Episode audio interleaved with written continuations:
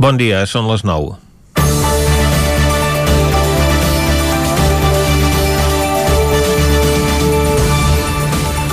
Molts s'hauran d'esforçar els partits independentistes per justificar per què un mes i mig després de les eleccions al Parlament encara no hi ha govern. La segona sessió d'investidura de Pere Aragonès, molt més breu que la primera, va acabar ahir amb el mateix resultat que divendres. El candidat d'Esquerra Republicana només va obtenir els vots del seu grup i els de la CUP, convertit ara en un aliat estratègic, en un soci necessari que ha passat de l'antisistema al pragmatisme polític. Veurem si aquest canvi d'actitud acabarà o no amb la seva presència a l'executiu. Però ara mateix, els que estan instal·lats a la banda del no són els de Junts per Catalunya. De moment tenen la presidència del Parlament gràcies al suport d'Esquerra, que ara reclama reciprocitat. I ho van fer sense qüestionar les anades i vingudes dels postconvergents que van estar especulant fins al darrer moment sobre qui seria la persona escollida pel càrrec, finalment la que era la seva candidata a la presidència de la Generalitat, Laura Borràs. Bé, és cert que aquests últims dies s'han produït alguns moviments. El Consell per la República s'obre a reformular el seu paper en vistes a la desconfiança que genera les files republicanes aquest organisme creat per Carles Puigdemont, que ja s'ha prestat a quedar al marge de les negociacions entre els actors implicats per establir aquests canvis. Aragonès es tenia ahir la mà assegurant que calia reconèixer tots els espais de l'independentisme, tant a Catalunya com a l'exili però deixant clar que no consentirà que les institucions catalanes estiguin sota la tutela d'altres organismes. Junts per Catalunya, per la seva banda, defensa que la direcció del procés independentista estigui desvinculada del govern i demana unitat d'acció a Madrid. No es pot pas dir que aquestes eleccions hagin caigut per sorpresa al partit que fins ara ha tingut la presidència de la Generalitat quan va ser el propi Quim Torra qui fa 14 mesos va donar per acabada la legislatura per les desavinences entre els socis de govern. Si no es resolen aquestes diferències, el país no podrà tirar endavant amb l'empenta que ara es necessita, i no precisament per l'evolució d'un procés independentista que Esquerra ja ha decidit posposar en revisió d'aquí a dos anys en funció de com hagi evolucionat la seva aposta per una taula de diàleg amb el govern espanyol en la que no hi creuen la resta dels seus socis. Ara bé, sembla que a Junts li costi també pair que ara s'han girat les tornes a la presidència de la Generalitat i que especular amb unes noves eleccions li podria sortir a compte. Un cop ha adquirit uns drets electorals i ha deixat el PDeCAT fora del Parlament. Però com van poder comprovar Laura Borràs i el conseller Ramon Tremosa dissabte quan es passejaven pel mercat del Ram de Vic, el que li demanava l'electorat és que formin un govern fort, unit i independentista el més aviat possible. Al contrari, seria una terrible decepció pel seu electorat de conseqüències imprevisibles. Comencem Territori 17, a la sintonia del 9 FM, Ràdio Cardedeu, La Veu de Sant Joan, Ona Codinenca i el 9 TV. Territori 17, amb Vicenç Vigues i Jordi Sunyer. Són les 9 i 3 minuts i mig del dimecres, dia 31 de març de 2021. Comença aquí un nou Territori 17 que avui, com sempre, durant la primera hora us acostarà tota l'actualitat de les nostres comarques. Després, a partir de les 10, més informació, entrevista i avui, com que és dimecres, tindrem el Lletra, el Lletra Ferits per parlar des de literatura, avui des de Ràdio Cardedeu, el Territori Sostenible amb Jordi Givert, que avui ens parlarà de la recuperació de murs de pedra seca i avui acabarem fent un repàs a l'agenda l'agenda cultural i també d'actes festius i populars per aquest proper llarg cap de setmana. Tot això ho farem des d'ara mateix i fins al punt de les 12 del migdia. I el que toca per arrencar és començar tot fent un repàs a l'actualitat de les nostres comarques, les comarques del Ripollès, Osona, el Moianès i el Vallès Oriental.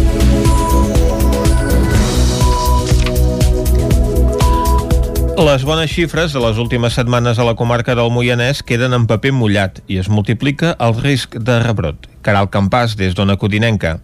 El Moianès fa diverses passes enrere després d'unes setmanes on avançava el descens de contagis. La comarca torna a liderar l'índex que calcula la velocitat de propagació del virus. Així ho demostren les últimes dades que ha fet públiques el Departament de Salut i que corresponen a la setmana que va del 19 al 25 de març. Com dèiem, la comarca ha multiplicat de forma alarmant tots els registres en una setmana on s'han practicat 183 PCR i 83 tests d'antígens antígens. Del total de proves, un 9,17% de les persones ha donat positiu o el que és el mateix, hi ha 21 persones que ha agafat el coronavirus. Això ha fet que l'índex de rebrot es dispari i passi dels 136 als 651 punts. Pel que fa a la R, que calcula la velocitat de propagació del virus, el Moianès passa en només una setmana de 0,76 a 3 punts, una xifra preocupant que a hores d'ara és la més alta de tot Catalunya. Aquesta setmana negra a les portes de Setmana Santa continua amb l'increment d'un pacient més i ja en són 6 els malalts hospitalitzats. A més, la comarca suma una nova defunció. En total, 42 persones han perdut la vida per culpa del virus des de l'inici de la pandèmia. Si mirem poble per poble, les poblacions on el risc de rebrot ha pujat més són Calders, Mollà, Santa Maria d'Oló i Castellterçol. La nota positiva és que la presència del virus als centres educatius és nula. A hores d'ara i amb els alumnes d'ensenyament obligatori de vacances no hi ha cap positiu ni a les escoles ni a l'Institut del Moianès. Finalment, el ritme de vacunats per dia torna a augmentar. En una setmana, 135 persones s'han posat la primera dosi i 90 la segona. S'implanta un nou sistema al Ripollès per millorar la convivència a les escoles arran dels atemptats del 17A de 2017. Isaac Muntades, des de la veu de Sant Joan. Pocs dies després dels atemptats del 17 d'agost del 2017 a Barcelona i Cambrils, diverses entitats de Ripoll van començar a treballar en un nou model de convivència. Entre elles hi ha el Servei de Joventut del Ripollès i de Ripoll, les tècniques de participació i convivència de l'Ajuntament de Ripoll, les persones del Consorci de Benestar Social del Ripollès que treballen en l'àmbit de la ciutadania, la tècnica del punt òmnia de la Devesa del Pla de Ripoll i el Departament d'Ensenyament. Aquest grup operatiu volia fer una diagnosi de la situació i analitzar les causes per intentar trobar respostes que expliquessin per què uns nois de Ripoll, aparentment integrats integrats a la vida del poble i a la societat catalana es van convertir en terroristes. La idea era partir de l'experiència dels atemptats per aprendre dels errors d'intentar superar el model d'integració i les polítiques socials aplicades fins al moment. A través d'un treball en xarxa que ha implicat amb moltes persones i agents i institucions de diferents àmbits s'ha recopilat i analitzat informació durant més de dos anys per treballar en aquest nou model de convivència. Una de les actuacions d'aquest nou model s'ha centrat en les escoles del Ripollès i es tracta del projecte Baobab, impulsat des del grup operatiu de Ripoll i que afecta les escoles de primària i secundària del Ripollès. La pandèmia va realitzar el treball comunitari, però esperen reprendre-ho amb força, sobretot implicant-hi els professors. La coordinadora de l'àrea de ciutadania del Consorci, Núria Riera, i la tècnica del Servei Comarcal de Joventut, Laura Vidal, explicaven alguns dels aspectes de la millora de la convivència que volen treballar. Des de la igualtat de gènere, temes que afecten LGBT o que poden interferir en casos de bullying, per exemple, o en la gestió pròpia de l'alumnat que pugui fer de les emocions. No? Això que es pugui treballar des dels més petitons amb un objectiu a mig llarg termini, eh? no ara a curt termini, però sí que es pugui treballar des dels més petits, perquè a vegades hem tingut l'oportunitat de treballar amb nens i nenes de P4, per exemple, P5 o primer segon, i veiem que ja moltes coses les tenen integrades. I la idea és que després, quan arriben a secundària, en joventut, el que sigui és ampliar el que s'ha treballat, però ja fer-ho, doncs, en aquest sentit, ampliar una mica el coneixement i fer-ho més conscient, que ja no és tant una cosa més de, de temari, sinó que ja vas a aprofundir més perquè la convivència en el centre sigui bo. Vidal també va explicar com volen treballar aquestes dinàmiques a les aules de primària i secundària. A primària treballen més la mestra o el mestre estan a l'aula, per tant és molt més fàcil poder agafar més d'una hora, fer una dinàmica que també hi participi la mestra que, i que aquestes siguin vivencials també. En el secundari, les dinàmiques que plantegem moltes vegades és una hora i que a vegades intentem que hi hagi el tutor, que és la persona de referència de tutor o tutora. Hem, hem intentat adaptar-nos perquè sí que veiem que la metodologia de treball a primària és una, perquè tenen una manera de treballar, i secundària és una altra, i per tant ens havíem d'adaptar. I amb els professors és totalment diferent. Hi ha alguns centres educatius que ja estan aplicant el projecte Baobabs i d'altres que començaran el curs vinent. La idea és fer algun tipus d'enquesta per saber quin ha estat l'impacte d'aquestes actuacions i veure si s'ha millorat la convivència. Les escoles de Cardedeu reduiran les ràtios dels grups de P3 de 25 a 23 alumnes per aula, almenys durant dos cursos. Així ho ha pactat el consistori, centres educatius i els serveis territorials Maresme Vallès Oriental. David Oladell, de Ràdio Televisió Cardedeu. Les escoles de primària de Cardedeu començaran el curs 2021-2022 amb una reducció de les ràtios a P3. Es passarà de 25 a 23 alumnes després que el consistori, els centres i els serveis territorials Maresme Vallès Oriental així ho pactessin a la darrera reunió. La natalitat ha baixat des de la crisi del 2008 i la Covid també l'ha fet baixar. Aquesta és pel consistori una oportunitat per millorar la qualitat educativa disminuint els alumnes per aula. Dolors Sala, regidora d'Educació de Cardedeu. Aleshores, nosaltres, com a govern el que volíem era mantenir les nou línies que són les que tenim ara. Per què? Perquè creiem que era una oportunitat de poder baixar les ràtios i, per tant, millorar una mica amb la qualitat educativa. En aquest acord es va consensuar de pactar les ràtios de 25 a 23. Tot això també ha estat possible gràcies a la bona cohesió entre els centres educatius del municipi.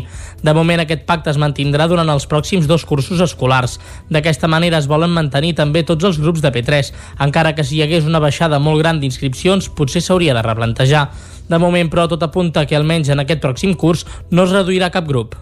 La Universitat de Vic, Universitat Central de Catalunya, Aigües Vic i Aigües Osona renoven el conveni que van iniciar fa 3 anys per analitzar per què es genera la geosmina, una molècula que pot provocar mal gust i mala olor en l'aigua potable. Els darrers 3 anys, el Centre Tecnològic Beta de la Universitat de Vic, Universitat Central de Catalunya i les empreses Aigües Vic i Aigües d'Osona han treballat conjuntament amb el Centre d'Estudis dels Rius Mediterranis per entendre millor els mecanismes responsables de l'aparició de la geosmina.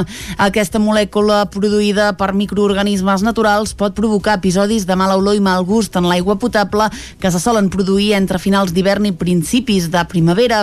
S'ha fet un seguiment regular de 5 punts del riu Ter des del Pirineu fins a Gurb, incloent els punts de captació d'aigües Vic i aigües d'Osona i s'han analitzat factors que poden influir en la producció de la geosmina. Lorenzo Proia és el responsable de l'àrea d'Ecologia i Canvi Global del Centre Tecnològic Beta, Guillem Tracerra, el gerent d'Aigües Vic, i Gemma Rom, gerent d'Aigües d'Osona. El sentim per aquest ordre del factor relacionats també amb el canvi climàtic, així com el cabal del riu, però també quin poden ser eh, la, influència d'altres factors com l'entrada de nutrients en el riu provocats mm, bàsicament per activitats eh, humanes. No fa que l'aigua deixi de ser potable, és a dir, l'aigua continua sent potable, però sí que és desagradable pel, pel olfacte i pel gust, no? Buscar els mecanismes òptims per tal de que nosaltres puguem avançar-nos i no haver d'actuar quan ja tenim doncs, aquestes queixes de, sobretot doncs, ja de, dels abonats. Els models desenvolupats fins ara permeten preveure els nivells de geosmina a l'aigua amb un 87% de fiabilitat. El conveni es renova per un any amb la voluntat de millorar els tractaments que s'apliquen actualment per, per eliminar la geosmina basats en carbons actius i estudiar l'ús de materials alternatius com l'ozó i el peròxid d'hidrogen. Esther Vega és una de les investigadores del Centre Tecnològic Beta que els hi permeti, en primer lloc, tenir un procés molt més eficient del que es té ara i, per una altra banda, poder reduir aquests costos operacionals durant aquest tractament de la geosmina. El projecte compartit entre el Centre Tecnològic Beta, el Centre d'Estudis dels Rius Mediterranis, Aigües Vic i Aigües d'Osona ha donat lloc a una tesi doctoral de Carmen Espinosa i està en procés de sol·licitud d'una patent. La Catedral de Vic rebrà una inversió de 2 milions d'euros per recuperar i posar en valor l'obra de Josep Maria Cert. Una dotació que s'afegeix als 2 milions que el Ministeri de Foment hi està invertint actualment per rehabilitar façanes, cobertes i altres parts a la seu episcopal. La Catedral de Vic rebrà una inversió de 2 milions d'euros, ho anunciaven responsables del Catalonia Sacre en un acte que precisament les obres de Josep Maria Cert al temple Bigatà van testimoniar. El principal objectiu de la, de, de la intervenció és es basarà en restaurar els murals que el pintor va refer entre 1940 i 1945, després que l'incendi de l'any 36 en destruís una bona part. La dotació arriba en el marc del programa operatiu FEDER de la Generalitat amb la complicitat dels responsables de patrimoni de tots els bisbats de Catalunya. Francesc Pardo és el bisbe de Girona. Manifestem, doncs, en paraules i en fets, la voluntat inequívoca de l'Església de cuidar el nostre patrimoni i de posar-lo a disposició de la societat pel seu gaudi, coneixement i creixement personal de tots els ciutadans. L'aportació dels fons europeus, o FEDER, per mitjà de la Generalitat i la contribució dels bisbats. De la confluència d'aquestes dues voluntats, la de l'Església de conservar i obrir el seu patrimoni i la de l'administració d'ajudar la seva conservació, en neixen sempre bones obres. A banda d'anunciar la nova dotació que s'afegeix als 2 milions que el Ministeri de Foment ja està invertint actualment per rehabilitar diferents parts de la seu episcopal, Catalònia Sacra va avançar la quarantena d'actes que els bisbats de Catalunya desplegaran fins a finals d'any. A Osona destaca una visita nocturna a les pintures de cer prevista pel mes de setembre. Vic va començar a celebrar dissabte la Diada de Sant Jordi de forma anticipada. Najat El Hajmi, Maria Barbal, Gerard Quintana i Víctor García Tur tenen en comú com a mínim tres coses. Tots tres són, són tots quatre són escriptors, tots acaben de guanyar algun dels premis literaris més importants del país i tots quatre van ser a Vic dissabte a la tarda. Va ser a un Sant Jordi diferent, un acte a la Biblioteca Joan Triadú que va reunir els escriptors més potents del moment.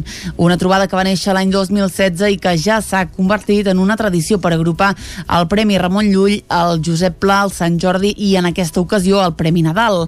L'acte, conduït per la professora Carme Rubio, va permetre parlar de l'argument dels llibres, la seva font d'inspiració i de com els ha enriquit personalment. Tots quatre són llibres arriscats que trenquen alguns patrons. Sentim per aquest ordre a El Hajmi, Barbal, García Tur i Quintana. Jo crec que és una novel·la en la que de fet apareixen com tots els temes que jo he tractat fins ara. Seria com una, no, una novel·la de, de tancament d'etapa de, gairebé, no? I només que l'afegit d'aquesta relació d'amistat entre, entre les dues protagonistes.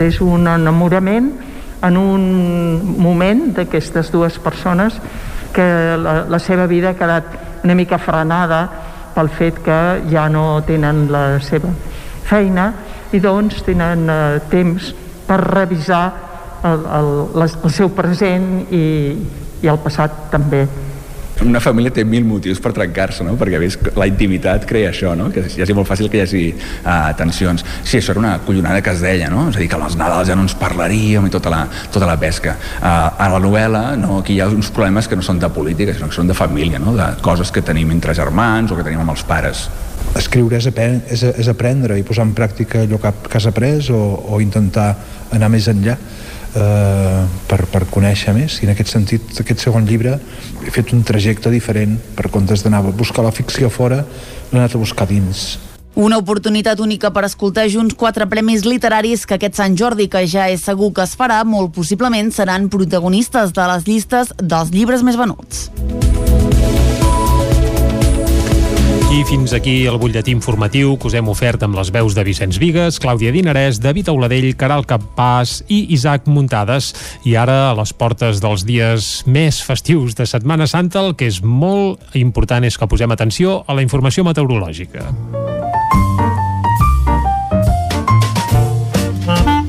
Casa Terradellos us ofereix el temps. I per parlar del temps ja ens espera en Pep Acosta. Molt bon dia, Pep. Hola, molt bon dia. Molt bona hora. Què tal esteu? Bé, anar fent... Ja ens acostem a la part central de la Setmana sí, Santa. Sí, és el que dèiem. Els dies uh, festius per excel·lència. Mm -hmm. I aquí estem un dia més a l'espai del temps.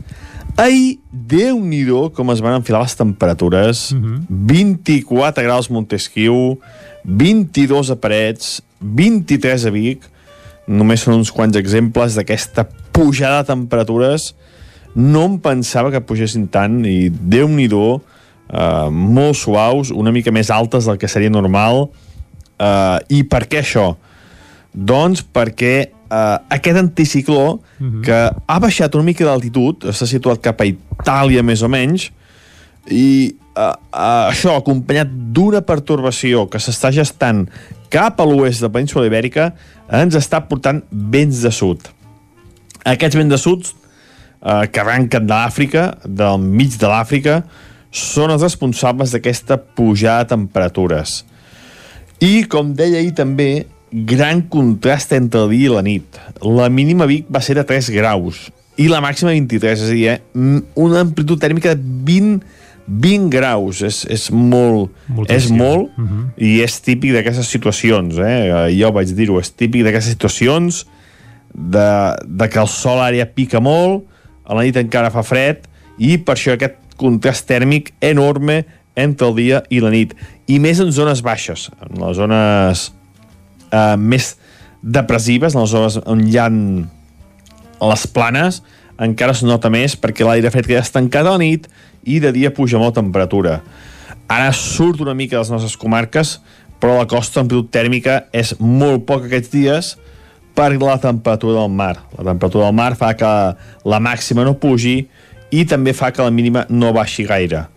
A la costa estem trobant amplituds tèrmiques de 4 a 5 graus. Sí, I cap a l'interior de les comarques de més de 20, eh? Imagineu quina diferència a molts pocs quilòmetres de distància. És un fet eh, molt habitual aquesta època de l'any, però que a mi aquestes coses m'encanten, eh? Aquests petits detalls meteorològics són extraordinaris i m'encanten i, i donen fe de, de la, del gran contrast de, de temps i de, i de microclimes que tenim al nostre país, que això és, és extraordinari, és un, això és un fet extraordinari sí, pels meteoròlegs, i que molts, sí, sí. molts països del món, en molts no passa, eh? i això ho hem de valorar i no, no valorem gaire.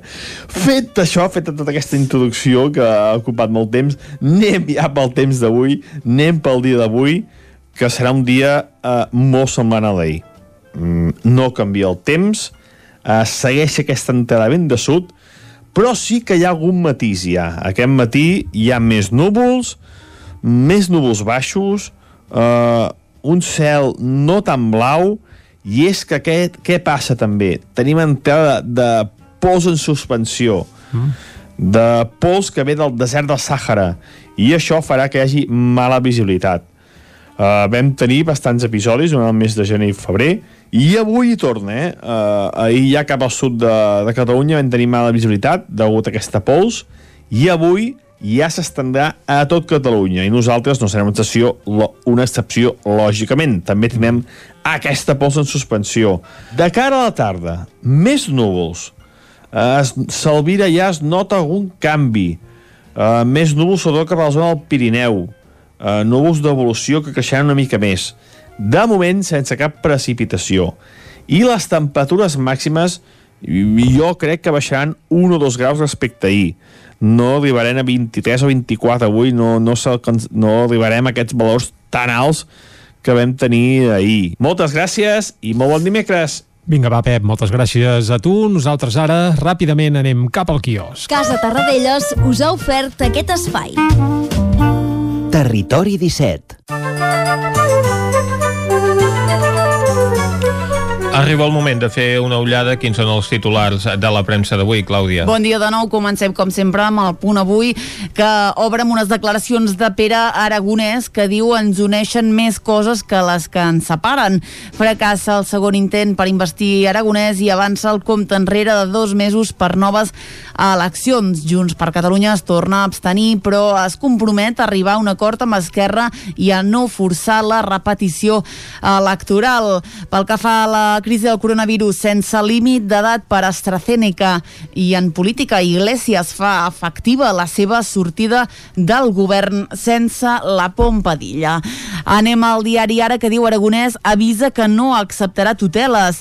El candidat d'Esquerra Republicana fracassa en el segon intent d'investidura tot i la millora del to amb Junts. Els punts de fricció continuen sent el paper del Consell per la República i l'estratègia a Madrid. A la imatge al perill dels patinets, l'atropellament d'una dona posa de manifest la dificultat per interpretar els senyals a la calçada que ordenen el trànsit entre vehicles, patinets, bicicletes i vianants. Anem al periòdico que diu Sánchez augura estabilitat després de la sortida d'Iglesias del govern. El president es vanagloria de tenir quatre dones a les quatre vicepresidències. A Catalunya, acostament després de la segona bufetada, Aragonès afirma que no acceptarà la tutela de Puigdemont, però llima diferències amb Junts per Catalunya després del nou fracàs de la investidura. I Alemanya veta la vacuna d'AstraZeneca als menors de 60 anys per les trombosis. Acabem les portades catalanes amb l'avantguàrdia que diu Esquerra i Junts obren un nou front amb la unitat de vot al Congrés, a la imatge canvis al govern després de la sortida de Pablo Iglesias i alerta perquè l'ús de la mascareta s'imposa per llei fins al final de la pandèmia. Anem a veure de què parlen els diaris de Madrid. Comencem amb el país que diu Brussel·les exigeix una reforma laboral integral i ambiciosa. Espanya incompleix el seu objectiu de vacunació amb les persones majors de 80 anys. Interior posa en dubte la inviolabilitat dels pisos turístics i Junts allarga la paràlisi a Catalunya amb un nou bloqueig a la investidura. El Mundo, la justícia rectificarà Marlaska restituint a Pérez de los Cobos. A la imatge, Sánchez exhibeix eh, que ja té vicepresident. L'UDEF conclou que Neurona va amanyar els seus treballs per Podemos. Als Estats Units eh, acusa el govern espanyol d'atacar la premsa un titular que veurem també a l'ABC i a Catalunya Puigdemont humilia a Esquerra Republicana i tomba la investidura de Pere Aragonès. Anem directe a la raó que diu Moncloa obre l'era post-Iglesias i diu que hi ha vida després d'ell. La policia sembra dubtes sobre Neurona i factures de Podem. Illa es postula ara davant del fracàs d'Esquerra Republicana i en la línia del que dèiem fa un moment, el govern imposa ara la mascareta també a les piscines i a les platges. Acabem amb l'ABC que, com dèiem fa un moment, eh, obre amb aquest titular que diu Estats Units acusa a Sánchez i Iglesias d'amenaçar la premsa. L'informe anual de la diplomàcia nord-americana recull atacs verbals de membres del govern a mitjans i també a periodistes. A la part inferior de la portada, l'UDEF qüestiona la coartada de Podem al cas Neurona.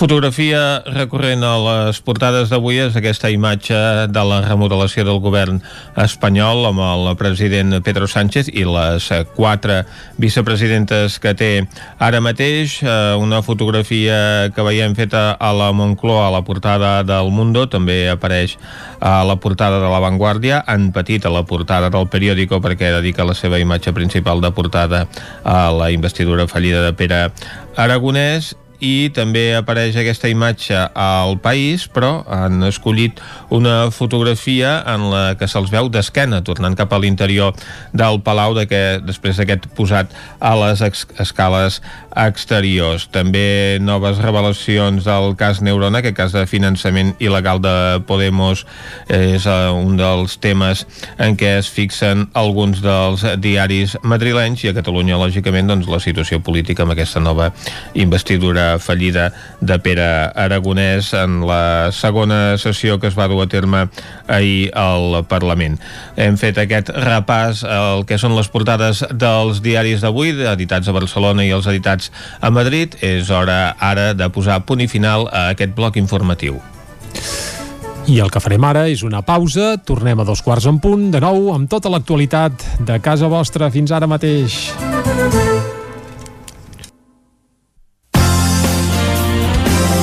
El nou FM, la ràdio de casa, al 92.8. Pepeta Vilaró, menjar a domicili per a gent gran. Menús saludables i adaptats segons les seves necessitats. Per viure més temps a casa amb millor salut i qualitat de vida. Informa-te'n al 931 31 71 81 o a pepetavilaró.cat. Pepeta Vilaró, la salut i el benestar dels nostres avis comença per cuidar el que mengen. Aquesta primavera, per estar bé a casa, vine a Mobles Verdolet. Sofàs, sales d'estudi, dormitoris, menjadors i molt més. Mobles fets a mida. Mobles Verdolet. Ens trobareu al carrer Morgades 14 de Vic i al carrer 9 44 de Torelló i també a moblesverdolet.com. No va ser fàcil a Aquari Jordi hi trobaràs periquitos, canaris i tot tipus d'ocells, conills, hàmster, ratolins, rates índies, peixos tropicals i molt més. Aquaris, tortugues, joguines i tots els complements i menjars per tot tipus d'animals. Vine a informar-te de totes les nostres ofertes. Aquari Jordi som al carrer 9 número 34 de Vic i també a Instagram. Vols gaudir d'un bon arròs a casa sense no haver d'embrutar ni preocupar-te per res? La Fogonera, paelles per emportar.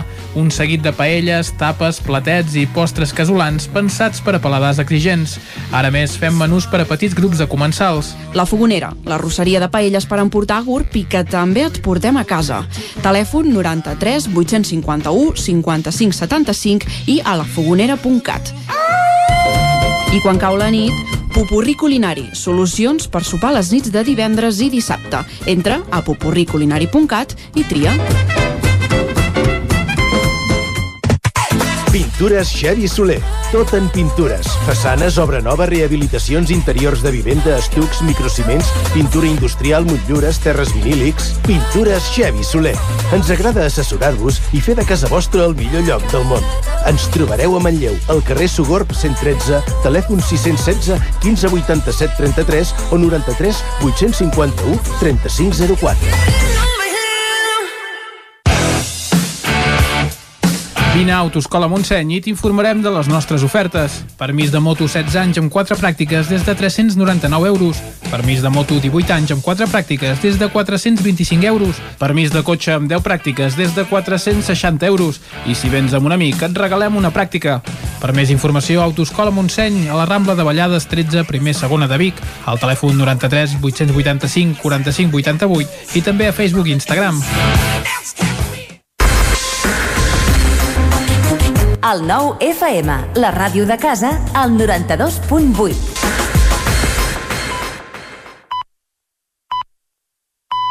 Territori 17, amb Vicenç Vigues i Jordi Sunyer.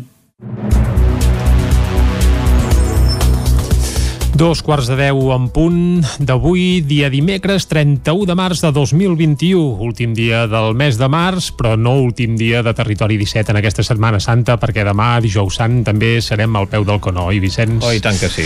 Molt bé, i avui això encara ens queda molta feina també fins a les 12 del migdia. De seguida us acostarem de nou tota l'actualitat de les nostres comarques, després eh, parlarem de literatura, lletra ferits, també anirem al territori sostenible amb Jordi Givert, que avui ens explicarà com es recuperen murs de pedra seca a les nostres contrades i a més a més avui acabarem eh, fent un repàs a l'agenda cultural i també d'actes festius i populars per aquest cap de setmana. Ja cal que en preneu nota perquè seran quatre dies per fer tot tipus d'activitats. A més a més, sapiguent que si aneu amb la vostra bombolla us podeu moure i desplaçar per tot Catalunya.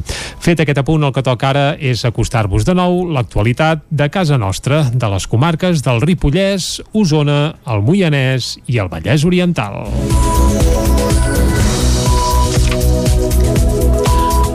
Les bones xifres de les últimes setmanes a la comarca del Moianès queden en paper mullat i es multiplica el risc de rebrot. Caral Campàs, des d'Ona Codinenca. El Moianès fa diverses passes enrere després d'unes setmanes on avançava el descens de contagis. La comarca torna a liderar l'índex que calcula la velocitat de propagació del virus. Així ho demostren les últimes dades que ha fet públiques el Departament de Salut i que corresponen a la setmana que va del 19 al 25 de març. Com dèiem, la comarca ha multiplicat de forma alarmant tots els registres en una setmana on s'han practicat 183 PCR i 83 tests d'antígens antígens. Del total de proves, un 9,17% de les persones ha donat positiu o el que és el mateix, hi ha 21 persones que ha agafat el coronavirus.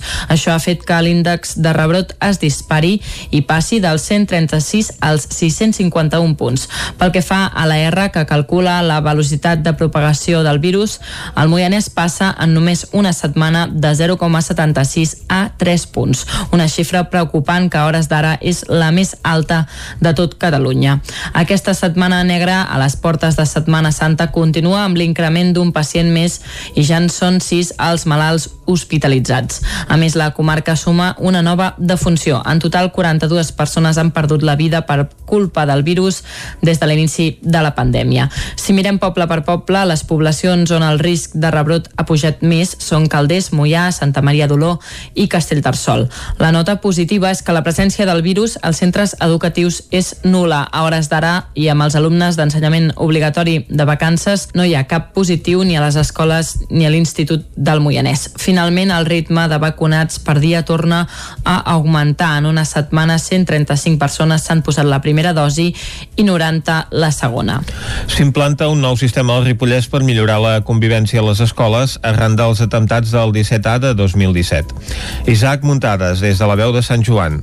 Pocs dies després dels atemptats del 17 d'agost del 2017 a Barcelona i Cambrils, diverses entitats de Ripoll van començar a treballar en un nou model de convivència. Entre elles hi ha el Servei de Joventut del Ripollès i de Ripoll, les tècniques de participació i convivència de l'Ajuntament de Ripoll, les persones del Consorci de Benestar Social del Ripollès que treballen en l'àmbit de la ciutadania, la tècnica del punt òmnia de la Devesa del Pla de Ripoll i el Departament d'Ensenyament. Aquest grup operatiu volia fer una diagnosi de la situació i analitzar les causes per intentar trobar respostes que expliquessin per què uns nois de Ripoll, aparentment integrats atemptats a la vida del poble i a la societat catalana es van convertir en terroristes. La idea era partir de l'experiència dels atemptats per aprendre dels errors d'intentar superar el model d'integració i les polítiques socials aplicades fins al moment. A través d'un treball en xarxa que ha implicat amb moltes persones i agents i institucions de diferents àmbits s'ha recopilat i analitzat informació durant més de dos anys per treballar en aquest nou model de convivència. Una de les actuacions d'aquest nou model s'ha centrat en les escoles del Ripollès i es tracta del projecte Baobab, impulsat des del grup operatiu de Ripoll i que afecta les escoles de primària i secundària del Ripollès. La pandèmia va paralitzar el treball comunitari, però esperen reprendre-ho amb força, sobretot implicant-hi els professors. La coordinadora de l'àrea de ciutadania del Consorci, Núria Riera, i la tècnica del Servei Comarcal de Joventut, Laura Vidal, explicaven alguns dels aspectes de la millora de la convivència que volen treballar. Des de la igualtat de gènere,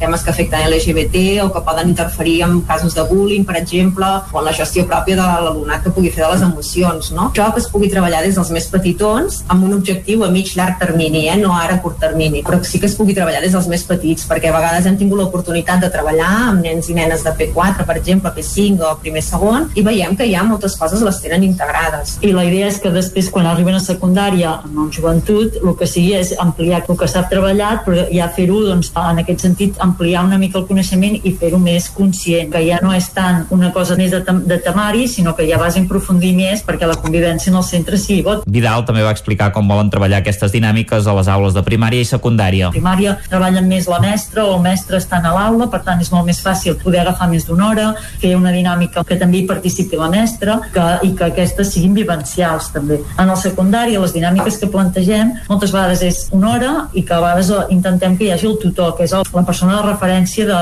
tutor tutora. Hem, hem intentat adaptar-nos perquè sí que veiem que la metodologia de treball a primària és una, perquè tenen una manera de treballar, i secundària és una altra, i per tant ens havíem d'adaptar. I amb els professors és totalment diferent. Hi ha alguns centres educatius que ja estan aplicant el projecte Baobabs i d'altres que començaran el curs vinent. La idea és fer algun tipus d'enquesta per saber quin ha estat l'impacte d'aquestes actuacions i veure si s'ha millorat la convivència. Les escoles de Cardedeu reduiran les ràtios dels grups de P3 de 25 a 23 alumnes per aula, almenys durant dos cursos. Així ho ha pactat el consistori, centres educatius i els serveis territorials Maresme Vallès Oriental. David Oladell, de Ràdio Televisió Cardedeu.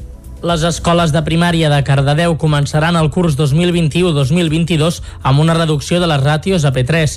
Es passarà de 25 a 23 alumnes després que el consistori, els centres i els serveis territorials Maresme Vallès Oriental així ho pactessin a la darrera reunió. La natalitat ha baixat des de la crisi del 2008 i la Covid també l'ha fet baixar. Aquesta és pel consistori una oportunitat per millorar la qualitat educativa disminuint els alumnes per aula. Dolors Sala, regidora d'Educació de Cardedeu. Aleshores, nosaltres, com a govern, el que volíem era mantenir les nou línies que són les que tenim ara. Per què? Perquè creiem que era una oportunitat de poder baixar les ràtios i, per tant, millorar una mica amb la qualitat educativa. En aquest acord es va consensuar de pactar les ràtios de 25 a 23. Tot això també ha estat possible gràcies a la bona cohesió entre els centres educatius del municipi. De moment, aquest pacte es mantindrà durant els pròxims dos cursos escolars. D'aquesta manera es volen mantenir també tots els grups de P3, encara que si hi hagués una baixada molt gran d'inscripcions, potser s'hauria de replantejar. De moment, però, tot apunta que almenys en aquest pròxim curs no es reduirà cap grup. La Universitat de Vic, Universitat Central de Catalunya, Aigües Vic i Aigües Osona renoven el conveni que van iniciar fa 3 anys per analitzar per què es genera la geosmina, una molècula que pot provocar mal gust i mala olor en l'aigua potable. Els darrers 3 anys, el Centre Tecnològic Beta de la Universitat de Vic, Universitat Central de Catalunya i les empreses Aigües Vic i Aigües d'Osona han treballat conjuntament amb el Centre d'Estudis dels Rius Mediterranis per entendre millor els mecanismes responsables de l'aparició de la geosmina. Aquesta molècula produïda per microorganismes naturals pot provocar episodis de mala olor i mal gust en l'aigua potable que se solen produir entre finals d'hivern i principis de primavera. S'ha fet un seguiment regular de 5 punts del riu Ter des del Pirineu fins a Gurb, incloent els punts de captació d'aigües Vic i aigües d'Osona i s'han analitzat factors que poden influir en la producció de la geosmina. Lorenzo Proya és el responsable de l'àrea d'Ecologia i Canvi Global del Centre Tecnològic Beta, Guillem Tracerra, el gerent d'Aigües Vic, i Gemma Rom, gerent d'Aigües d'Osona. El sentim per aquest ordre del factor relacionats també amb el canvi climàtic, així com el cabal del riu, però també quin poden ser eh, la, la influència d'altres factors com a l'entrada de nutrients en el riu provocats mm, bàsicament per activitats eh, humanes. No fa que l'aigua deixi de ser potable, és a dir, l'aigua continua sent potable, però sí que és desagradable pel, pel olfacte i pel gust, no? Buscar els mecanismes òptims per tal de que nosaltres puguem avançar-nos i no haver d'actuar quan ja tenim doncs, aquestes queixes de, sobretot doncs, ja de, dels abonats. Els models desenvolupats fins ara permeten preveure els nivells de geosmina a l'aigua amb un 87% de fiabilitat. El conveni es renova per un any amb la voluntat de millorar els tractaments que s'apliquen actualment per, per eliminar la geosmina basats en carbons actius i estudiar l'ús de materials alternatius com l'ozó i el peròxid d'hidrogen. Esther Vega és una de les investigadores del Centre Tecnològic Beta que els hi permeti, en primer lloc, tenir un procés molt més eficient del que es té ara i, per una altra banda, poder reduir aquests costos operacionals durant aquest tractament de la geosmina. El projecte compartit entre el Centre Tecnològic Beta, el Centre d'Estudis dels Rius Mediterranis, Aigües Vic i Aigües d'Osona ha donat lloc a una tesi doctoral de Carmen Espinosa i està en procés de sol·licitud d'una patent. La Catedral de Vic rebrà una inversió de 2 milions d'euros per recuperar i posar en valor l'obra de Josep Maria Cert. Una dotació que s'afegeix als 2 milions que el Ministeri de Foment hi està invertint actualment per rehabilitar façanes, cobertes i altres parts a la seu episcopal. La Catedral de Vic rebrà una inversió de 2 milions d'euros, anunciaven responsables del Catalonia Sacre en un acte que precisament les obres de Josep Maria Cert al temple Bigatà van testimoniar. El principal objectiu de la, de, de la intervenció és, es basarà en restaurar els murals que el pintor va refer entre 1940 i 1945, després que l'incendi de l'any 36 en destruís una bona part. La dotació arriba en el marc del programa operatiu FEDER de la Generalitat amb la complicitat dels responsables de patrimoni de tots els bisbats de Catalunya. Francesc Pardo és el bisbe de Girona. Manifestem, doncs, en paraules i en fets, la voluntat inequívoca de l'Església de cuidar el nostre patrimoni i de posar-lo a disposició de la societat pel seu gaudi, coneixement i creixement personal de tots els ciutadans. L'aportació dels fons europeus, o FEDER, per mitjà de la Generalitat i la contribució dels bisbats. De la confluència d'aquestes dues voluntats, la de l'Església de conservar i obrir el seu patrimoni i la de l'administració d'ajudar la seva conservació, en neixen sempre bones obres. A banda d'anunciar la nova dotació que s'afegeix als 2 milions que el Ministeri de Foment ja està invertint actualment per rehabilitar diferents parts de la seu episcopal, Catalònia Sacra va avançar la quarantena d'actes que els bisbats de Catalunya desplegaran fins a finals d'any. A Osona destaca una visita nocturna a les pintures de cer prevista pel mes de setembre. Vic va començar a celebrar dissabte la Diada de Sant Jordi de forma anticipada. Najat El Hajmi, Maria Barbal, Gerard Quintana i Víctor García Tur tenen en comú com a mínim tres coses. Tots tres són, tots quatre són escriptors, tots acaben de guanyar algun dels premis literaris més importants del país i tots quatre van ser a Vic dissabte a la tarda. Va ser a un Sant Jordi diferent, un acte a la Biblioteca Joan Triadú que va reunir els escriptors més potents del moment. Una trobada que va néixer l'any 2016 i que ja s'ha convertit en una tradició per agrupar el Premi Ramon Llull, el Josep Pla, el Sant Jordi i en aquesta ocasió el Premi Nadal. L'acte conduït per la professora Carme Rubio va permetre parlar de l'argument dels llibres, la seva font d'inspiració i de com els ha enriquit personalment. Tots quatre són llibres arriscats que trenquen alguns patrons. Sentim per aquest ordre a El Hajmi, Barbal, García Tur i Quintana. Jo crec que és una novel·la en la que de fet apareixen com tots els temes que jo he tractat fins ara. Seria com una, no, una novel·la de, de tancament d'etapa de, gairebé, no? I només que l'afegit d'aquesta relació d'amistat entre, entre les dues protagonistes. És un enamorament en un moment d'aquestes dues persones que la, la seva vida ha quedat una mica frenada pel fet que ja no tenen la seva feina i doncs tenen eh, temps per revisar el, el, el seu present i, i el passat també una família té mil motius per trencar-se, no? perquè ves, la intimitat crea això, no? que ja és molt fàcil que hi hagi uh, tensions. Sí, això era una collonada que es deia, no? és a dir, que als Nadals ja no ens parlaríem i tota la, tota la pesca. Uh, a la novel·la, no? aquí hi ha uns problemes que no són de política, sinó que són de família, no? de coses que tenim entre germans o que tenim amb els pares. Escriure és, aprendre, és, és aprendre i posar en pràctica allò que, que has après o, o intentar anar més enllà eh, per, per conèixer més i en aquest sentit aquest segon llibre he fet un trajecte projecte diferent per comptes d'anar a buscar la ficció fora l'he anat a buscar dins una oportunitat única per escoltar junts quatre premis literaris que aquest Sant Jordi, que ja és segur que es farà, molt possiblement seran protagonistes de les llistes dels llibres més venuts. I fins aquí el butlletí informatiu que us hem ofert amb les veus de Vicenç Vigues, Clàudia Dinarès, David Auladell, Caral Campàs i Isaac Muntades. I ara, a les portes dels dies més festius de Setmana Santa, el que és molt important és que posem atenció a la informació meteorològica.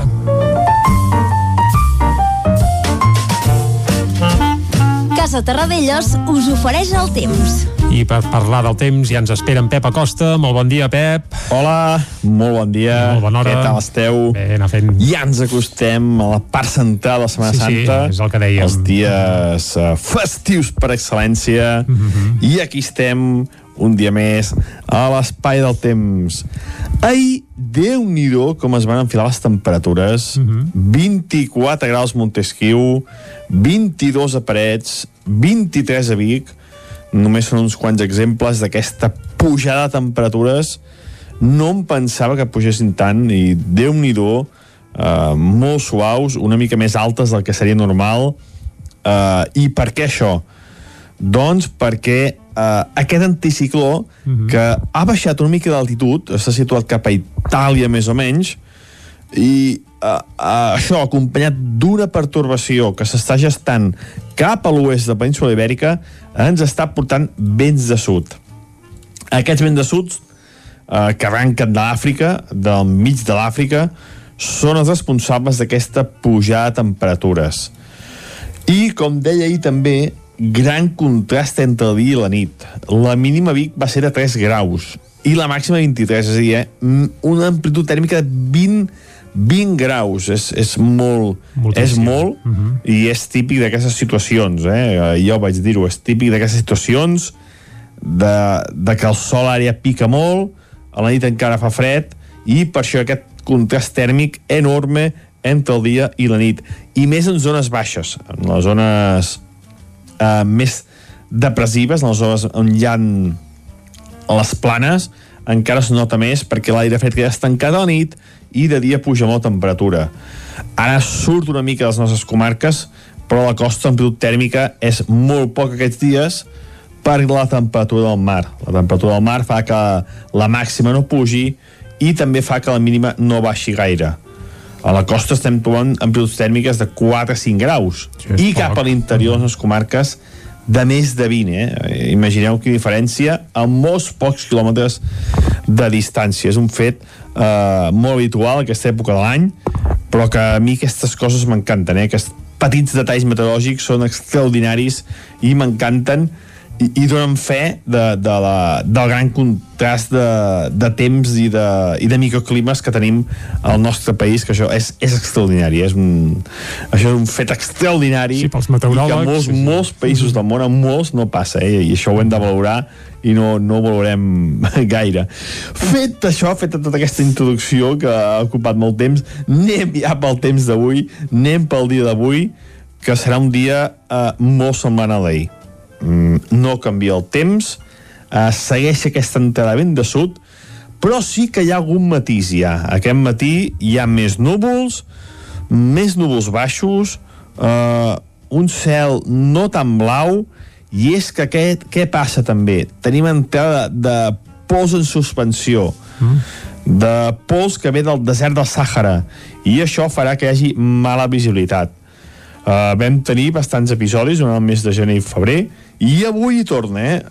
Ahir ja cap al sud de, de Catalunya vam tenir mala visibilitat degut a aquesta pols i avui ja s'estendrà a tot Catalunya i nosaltres no serem una excepció, una excepció lògicament. També tenim aquesta pols en suspensió. De cara a la tarda, més núvols. Uh, Salvira ja es nota algun canvi.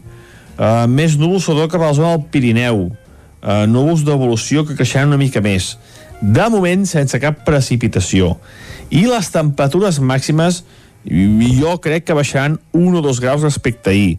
No arribarem a 23 o 24 avui, no, no, no arribarem a aquests valors tan alts que vam tenir ahir. Moltes gràcies i molt bon dimecres. Vinga, va, Pep, moltes gràcies a tu. Nosaltres ara, ràpidament, anem cap al quiosc. Casa Tarradellas us ha ofert aquest espai. Territori 17 Arriba el moment de fer una ullada quins són els titulars de la premsa d'avui, Clàudia. Bon dia de nou, comencem com sempre amb el punt avui que obre amb unes declaracions de Pere Aragonès que diu ens uneixen més coses que les que ens separen. Fracassa el segon intent per investir Aragonès i avança el compte enrere de dos mesos per noves eleccions. Junts per Catalunya es torna a abstenir però es compromet a arribar a un acord amb Esquerra i a no forçar la repetició electoral. Pel que fa a la crisi del coronavirus sense límit d'edat per AstraZeneca i en política Iglesias fa efectiva la seva sortida del govern sense la pompadilla. Anem al diari Ara que diu Aragonès avisa que no acceptarà tuteles.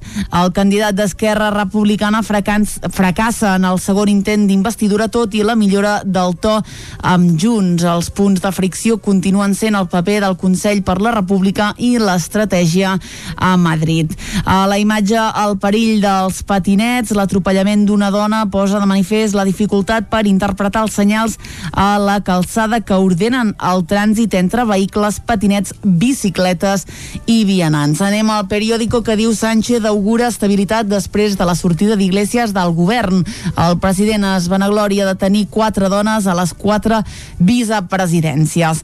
A Catalunya, acostament després de la segona bufetada, Aragonès afirma que no acceptarà la tutela de Puigdemont, però llima diferències amb Junts per Catalunya després del nou fracàs de la investidura.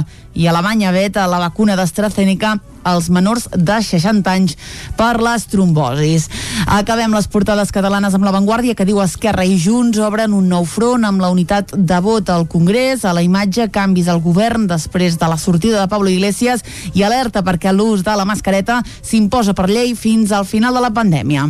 Anem a veure de què parlen els diaris de Madrid. Comencem amb el país que diu Brussel·les exigeix una reforma laboral integral i ambiciosa. Espanya incompleix el seu objectiu de vacunació amb les persones majors de 80 anys. Interior posa en dubte la inviolabilitat dels pisos turístics i Junts allarga la paràlisi a Catalunya amb un nou bloqueig a la investidura. El Mundo la Justícia rectificarà Marlaska restituint a Pérez de los Cobos. A la imatge Sánchez exhibeix eh, que ja té vicepresident. L'UDEF conclou que Neurona va amanyar els seus treballs per Podemos. Als Estats Units eh, acusa el govern espanyol d'atacar la premsa, un titular que veurem també a l'ABC, i a Catalunya Puigdemont humilia a Esquerra Republicana i tomba la investidura de Pere Aragonès. Anem directe a la Razón que diu Moncloa obre l'era post-Iglesias i diu que hi ha vida després d'ell. La policia sembra dubtes sobre Neurona i factures de Podem. Illa es postula ara davant del fracàs d'Esquerra Republicana i en la línia del que dèiem fa moment, el govern imposa ara la mascareta també a les piscines i a les platges. Acabem amb l'ABC que, com dèiem fa un moment, eh, obre amb aquest titular que diu Estats Units acusa a Sánchez i Iglesias d'amenaçar la premsa. L'informe anual de la diplomàcia nord-americana recull atacs verbals de membres del govern a mitjans i també a periodistes. A la part inferior de la portada, l'UDEF qüestiona la coartada de Podem al cas Neurona. Fotografia recorrent a les portades d'avui és aquesta imatge de la remodelació del govern espanyol amb el president Pedro Sánchez i les quatre vicepresidentes que té ara mateix. Eh, una fotografia que veiem feta a la Moncloa, a la portada del Mundo, també apareix a la portada de La Vanguardia, en petit a la portada del periòdico perquè dedica la seva imatge principal de portada a la investidura fallida de Pere Aragonès i també apareix aquesta imatge al País, però han escollit una fotografia en la que se'ls veu d'esquena, tornant cap a l'interior del Palau de que, després d'aquest posat a les escales exteriors. També noves revelacions del cas Neurona, que cas de finançament il·legal de Podemos és uh, un dels temes en què es fixen alguns dels diaris madrilenys i a Catalunya, lògicament, doncs, la situació política amb aquesta nova investidura fallida de Pere Aragonès en la segona sessió que es va dur a terme ahir al Parlament. Hem fet aquest repàs al que són les portades dels diaris d'avui, editats a Barcelona i els editats a Madrid. És hora ara de posar punt i final a aquest bloc informatiu. Doncs vinga, punt i final al bloc informatiu, Vicenç, i obrim el bloc musical. Endavant. El bloc que obrim cada dia fins a arribar al punt de les 10 aquí a Territori 17. Ahir vam anar fins al Ripollès i avui eh, baixarem una mica i anirem cap a Osona. Ah. Cap a Osona per estrenar una peça. Una peça d'un grup d'aquests joves eh, amb un futur molt esperançador, perquè la veritat és que es pateguen molt bé i això no és que ho diguem nosaltres, sinó que ho avala també eh, els premis. Ah. Els premis, va. Per exemple, estem parlant, encara no hem dit el nom del grup, ara diré el premi que van guanyar fa poc i aviam si algú des de casa ja endevina qui són, eh?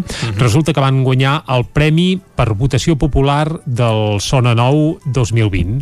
El Sona Nou és el concurs més prestigiós que es fa ara mateix als països catalans de, per grups de pop, rock i variants i bé, en l'edició passada doncs el premi per votació popular per tant el públic és qui els va votar per tant o tenen molts amics i parents i familiars o és que de veritat agraden i tenen una bona gernaixea de seguidors doncs qui va guanyar aquest premi? Algú des de casa potser ja ho sap, doncs van ser els usonencs efímer, que esperem que no facin honor al seu nom i que tinguin una llarga vida i resulta que els efímer el premi que van guanyar per votació popular és el premi Barcami. Barcami vol dir que, bé, bàsicament els ajudaran a fer un procés de micromecenatge per dalt d'enregistrar el seu primer disc. Un primer disc que sembla que gravarien de cara a finals d'estiu i que per tant podria aparèixer abans de final d'any. Darrere d'efímer s'hi amaga una banda bastant, bastant generosa. A la veu hi tenim el Martí Vallès, a la guitarra hi ha l'Edu Vergés, a la bateria l'Òscar Castells, a la trompeta el Ferran Isern, al baix l'Artur Pàmies, l'Helena Rescalvo toca el trombó, és a dir, la secció de vent és curiosa, eh? amb trompeta i trombó, i l'Artur Sorinyac toca els teclats. L'Artur Sorinyac, algú potser li sona perquè havia estat també teclista dels Flipats, aquella mítica banda de la Vall del Gès que ja va plegar veles fa... bé, ja fa un parell o tres d'anys potser. Però bé, aquesta és la formació dels Efímer que van guanyar, com bé dèiem, el Premi a la Votació Popular, el darrer Sona Nou, que es va celebrar a finals de l'any passat. I els efímer, mentrestant, per anar fent bullir l'olla mentre esperen per enregistrar aquest seu primer disc i tant de bo puguin fer també algun concert durant aquest estiu, tot i que bé, és evident que pinta malament doncs bé, han publicat una cançó a les xarxes que es titula James Dean. I, Eh. clar, i evidentment fa referència a aquest mític actor nord-americà eh, que bé, ja no el tenim entre nosaltres però mira, almenys ni que sigui a través de la nova cançó d'Efímer, doncs sí que, que ens el podem acostar de nou i per tant, si et sembla Vicenç, avui aquí a Territori 17 fins a arribar al punt de les 10 estrenarem aquest James Dean dels usonencs Efímer. No seria un actor de la seva generació. No, però, però vaja, escolta, ta- tant és. No, no. Uh, és uh, atemporal, atemporal. Per Uh, suposat. James Dean, com a temporal, també és la música dels Efímer, que escoltem ara fins a arribar al punt de les 10, aquí, a Territori 17. Criticar-li perquè jo estic vivint en un món de pop barat, un rap i ritmes llatins. Ell té posada una emissora amb rock i ritmes de swing. Està ben lluny d'aquest gran joc d'haver de viure amb estil perquè és un James Dean.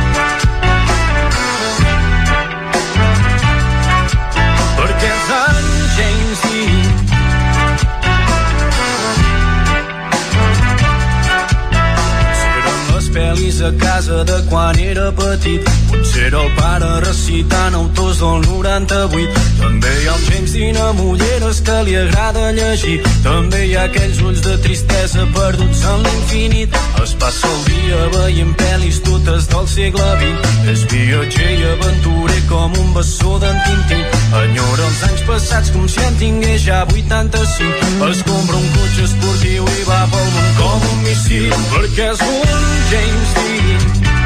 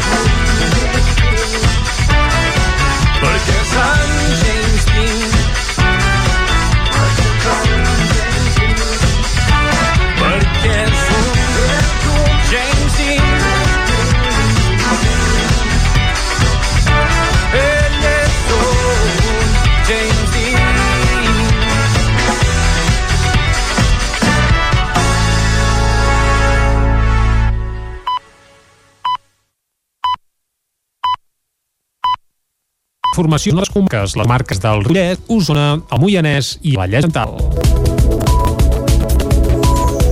La Fiscalia demana una condemna de 8 anys de presó per Serena. Un jove resident acusat de desordres públics i temporalitat durant la vaga general del 21 de febrer de 2019. A la plaça de la Noguera i acompanyat del seu grup de suport Mataroní Resina Vic, Serena exposava dilluns el periple policial en què s'ha estat implicat després de participar a la vaga sindical va convocar el febrer de 2019 i l'inici judicial procés. El juny del mateix any va ser a casa i va passar més de 24 hores tancat al calabós. No va ser fins l'octubre de 2020 saber de què se l'acusa una desapublicitat a l'autoritat amb agreujant de lesions i ocupació de vies públiques. Aquesta acusació s'agafa per enlloc, un muntatge policial. Tan ridícul l'acusació que presenten ell, que jo, amb un 73 del Dura i no més de 60 quilos, vaig lesionar tres suposadament acusat llançament polla plàstic. Tan ridícul i a la vegada tan perillosa, jo, un jove de 20 anys, podria 8 anys a la presó. El grup de suport de Pol Serena en demanar l'absolució. També mobilitzacions de cara al judici que ja té data, on saben Marc Canut i Gonzalo Bonín, membres tots dos d'aquest grup de suport i es vol tirar el judici el dia 19 de juliol. Recordem que és un judici on li demanen 8 anys i 6 mesos per participar en una general. Nosaltres ho tenim clar. El Pol ho té clar. No anirem a defensar-nos de res, sinó que anirem a acusar a la justícia espanyola d'intentar penalitzar el dret a la manifestació i el dret de vaga, tot basant-se en muntatges policials a l'acte hi van participar representants d'Esquerra Republicana a Osona, com l'exalcaldessa de Viladrau, Margarida Feliu, l'alcalde de Santa Eugènia Berga, de Sant Eulàlia de Riu Primer, volem dir, Xavier Rovira, o l'exalcalde de Prats i membre de l'executiva del partit, Isaac Paraire. El jutjat de Ripoll investiga un enfrontament entre dos policies locals i dos homes sense mascareta a Ripoll. Isaac Muntades, des de la veu de Sant Joan. El jutjat de primera instància número 1 de Ripoll està investigant una discussió que va derivar en una baralla la nit del passat diumenge 14 de març a les 11 de la nit entre agents de la policia local de Ripoll i dos homes que s'havien saltat el toc de queda. En el vídeo de 41 segons de durada s'hi comença veient com un dels homes s'intenta escapar i un agent l'agafa pel braç. Tot seguit, l'altre agent colpeja amb la porra al tòrax i també s'intueix que el cap d'aquesta persona, ja que queda tapat per una viga de ferro. Tot i la intervenció de l'altre home que intenta separar-los, la gent segueix colpejant amb l'arma reglamentària aquesta persona zona. Mentre un dels agents també intenta separar-los, un dels dos individus arranca a córrer per escapar-se i la gent que el persegueix cau a terra tot sol i s'acaba aixecant al cap d'uns segons. Un dels homes que apareix a les imatges, que viu a Can Davant però està empadronat a Torelló, va fer unes declaracions a TV3 en què deia que era la gent que havia començat a pagar-li, tal com es pot veure en aquest vídeo tan curt. En canvi, la policia local va assegurar que l'individu havia començat l'agressió i van assenyalar que cap dels dos homes vivia a Ripoll i que van trencar el toc de queda nocturn. Els agents van acusar-los d'acostar-se a ells amb risc de contagiar-los amb la Covid-19, de resistir resistència a l'autoritat i d'agressió. La gestió de l'Escola Municipal de Música de Torelló la farà directament l'Ajuntament. El ple aprovava aquest dilluns última pròrroga d'un any del contracte amb la Fundació Privada Estudis Musicals de Manlleu. L'Ajuntament de Torelló assumirà de manera directa la gestió de l'Escola Municipal de Música. Ho farà quan acabi l'última pròrroga d'un any del contracte amb la Fundació Privada Estudis Musicals de Manlleu, que porta el centre torellonenc des del setembre de l'any 2016. La pròrroga es va aprovar per unanimitat al ple d'aquest dilluns. A banda del canvi en el model de gestió, l'equip de govern i la resta de grups municipals estan d'acord en ampliar l'oferta del centre amb cursos i tallers de curta durada per arribar així a més persones.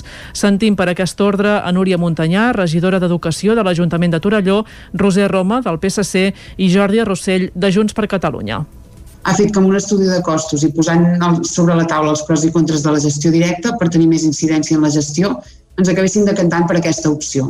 Això ens permet tenir més estabilitat, ja que no s'haurà de licitar el servei del qual participen tantes famílies cada X temps el nou model d'escola de música ens fa molta il·lusió, eh, serà una escola molt oberta, esperem, a, a tota la població. I és una pròrroga que ens servirà per abordar el futur marc de l'escola de música. La formació musical i a la vegada la creació de, de vincles i xarxes amb les entitats i activitats del municipi.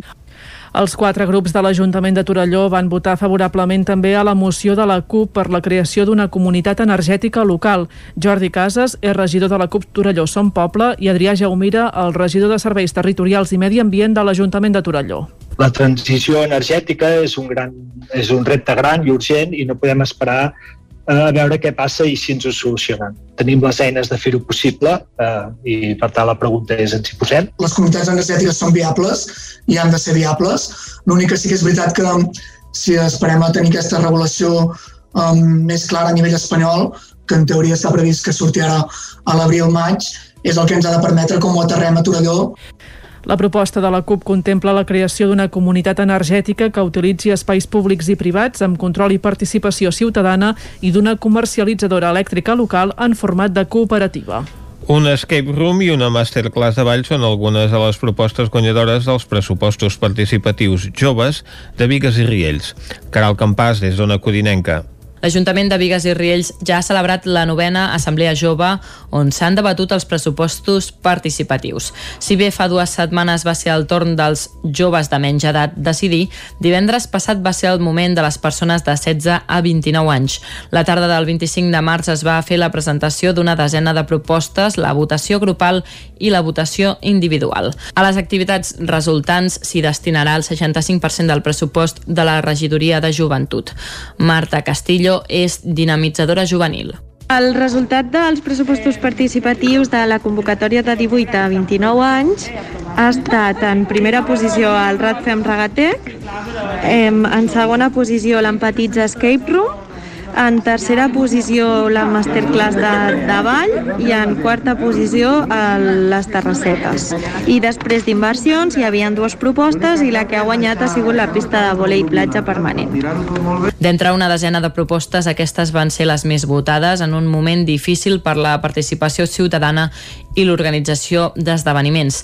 Tant les activitats com la inversió es duran a terme durant el 2021 i encara que hagin estat proposades per persones de 18 a 29 anys i votades per joves de 16 a 29 anys seran obertes a tothom. El diumenge de Rams ja no es va celebrar a Cardedeu i aquest divendres tampoc se celebrarà el Via Creu Processional de divendres sant. Dos dels actes més importants a la Setmana Santa al municipi. David Oladell, de Ràdio Televisió Cardedeu. Segon any consecutiu amb una Setmana Santa marcada per la Covid-19. Aquest any tampoc es va celebrar el diumenge de Rams amb la benedicció a la plaça de l'Església i tampoc es farà el Via Crucis processional a les 9 del vespre divendres sant. Aquests són els actes més representatius de la Setmana Santa a Cardedeu i també els que reuneixen a més persones i per motius de seguretat no es podran celebrar. Albert Quílez, mossèn de l'Església de Santa Maria de Cardedeu. Aquest any també pels motius d'horaris que tenim i per no congregar eh, molta gent eh, amb unes mesures que no podem garantir, doncs ens veiem mm, limitats i no farem aquest via creu processional. La Covid, però, també afecta en el dia a dia a l'Església i també s'han hagut d'adaptar per poder seguir l'activitat.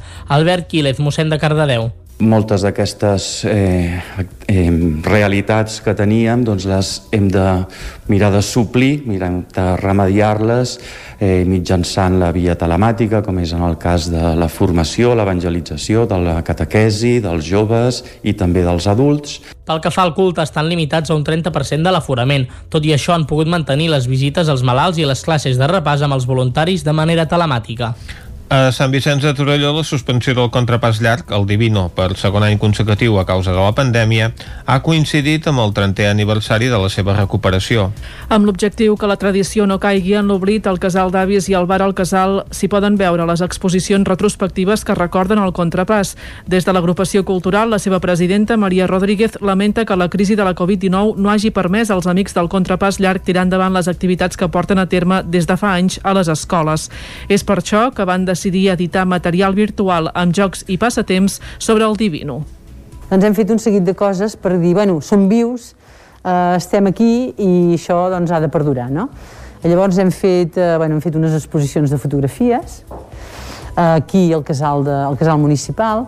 Llavors hem, hem gravat un vídeo eh, que ho hem enviat a, a, mitjançant una carta als veïns amb un codi QR i una adreça electrònica perquè la gent s'hi pugui connectar i allà es veu l'evolució doncs, de més o menys aquests 30 anys, amb fotografies i amb talls de dansa i això també amb un, amb un QR i amb una adreça electrònica perquè tant els grans com els petits tots puguin veure doncs, que això eh, continua i que l'any que ve, si Déu vol, hi tornarem, que és el desig que tenim tots nosaltres.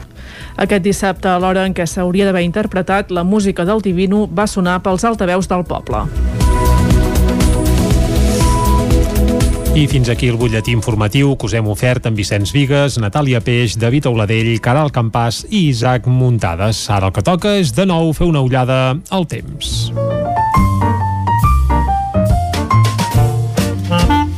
Casa Terradellos us ofereix el temps. I qui ens acosta el temps aquí a Territori 17 és en Pep Acosta, qui saludem de nou. Bon dia, Pep. Hola, molt bon dia. Bon dia, bon dia. Què tal esteu? ja ens acostem a la part central de la Setmana Santa, els dies eh, festius per excel·lència, i aquí estem un dia més a l'espai del temps. Les temperatures mínimes han sigut força baixes una altra vegada cap a l'interior, mínimes de 3, 4, 5 graus, àmpliament més de 5 graus que pel litoral i només per sota els 5 graus a les zones més fredes del Pirineu. De cara a la tarda, més núvols. Eh, Salvira ja es nota algun canvi. Eh, més núvols sobretot cap a la zona del Pirineu. Eh, núvols d'evolució que creixeran una mica més. De moment, sense cap precipitació. I les temperatures màximes jo crec que baixaran 1 o 2 graus respecte a ahir. No arribarem a 23 o 24 avui, no, no, no arribarem a aquests valors tan alts que vam tenir ahir. Jo crec que avui les màximes 21, 22 a tot estirar, però aquests vents de sud eh, localment mm, poden fer això, eh, que les temperatures disparin i tampoc descarto algun 23, 24, 25 graus. Veurem què acaba passant. De cara a demà, sembla que cada vegada més núvols i durant el cap de setmana, el nucli de Setmana Santa, els mapes ballen encara molt, però és possible que plogui uh -huh. bastant, sobretot dissabte i diumenge. Però s'haurà d'anar mirant perquè, ja et dic, els mapes ballen molt uh -huh. i el que està clar és que a partir de dijous, sobretot divendres, les temperatures baixen i baixen bastant. Ja ho acabarem de concretar perquè tot això, els mapes ballen, ballen molt durant tots aquests dies. Moltes gràcies i molt bon dimecres. Doncs vinga, gràcies a tu, Pep. Demà haurem de perfilar una mica més aquesta predicció del cap de setmana. Ahir en vam parlar també amb el Manel Dot. Fins divendres sembla que la cosa s'ha d'anar aguantant, però després apuntava sobretot tempestes de tarda i el mateix divendres, dissabte, diumenge. S'acosta una, vaja, una setmana santa típica d'aquella amb varietat i amb una mica de tot. Eh? Uh, bé, de meteorologia en parlarem un altre cop demà. Ara el que hem de fer és anar cap a l'entrevista. Casa Tarradellas us ha ofert aquest espai. Territori 17. Envia'ns les teves notes de veu per WhatsApp al 646 079 023. 646 079 023. WhatsApp Territori 17.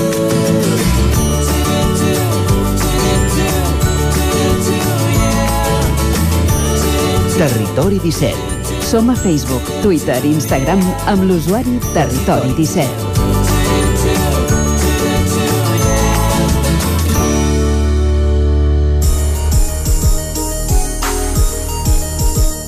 Ara mateix falta un minut i mig per un quart d'onze del matí. Aquest eh, dilluns, l'Auditori de Granollers va acollir la primera edició de la gala del Gremi de l'Hostaleria del Vallès Oriental. Una iniciativa que es vol anar repetint els propers anys com a acte festiu, però que aquesta primera edició ha tingut una vessant molt reivindicativa. Anem a conèixer més detalls des d'una codinenca, Caral Campàs. Sí, el Gremi de l'Hostaleria, com bé deies, del Vallès Oriental, doncs va fer aquest acte aquest dilluns i allà es va reivindicar com a sector indispensable al territori i dinamitzador de l'economia i del turisme. I per parlar de la situació del Gremi a la comarca vallesana, tenim al telèfon a David Vázquez, president del Gremi d'Hostaleria del Vallès Oriental. Bon dia, David. Hola, bon dia. A l'acte tenim entès que no vau convocar cap personalitat política del govern català. Considereu que us heu sentit abandonats pel Procicat?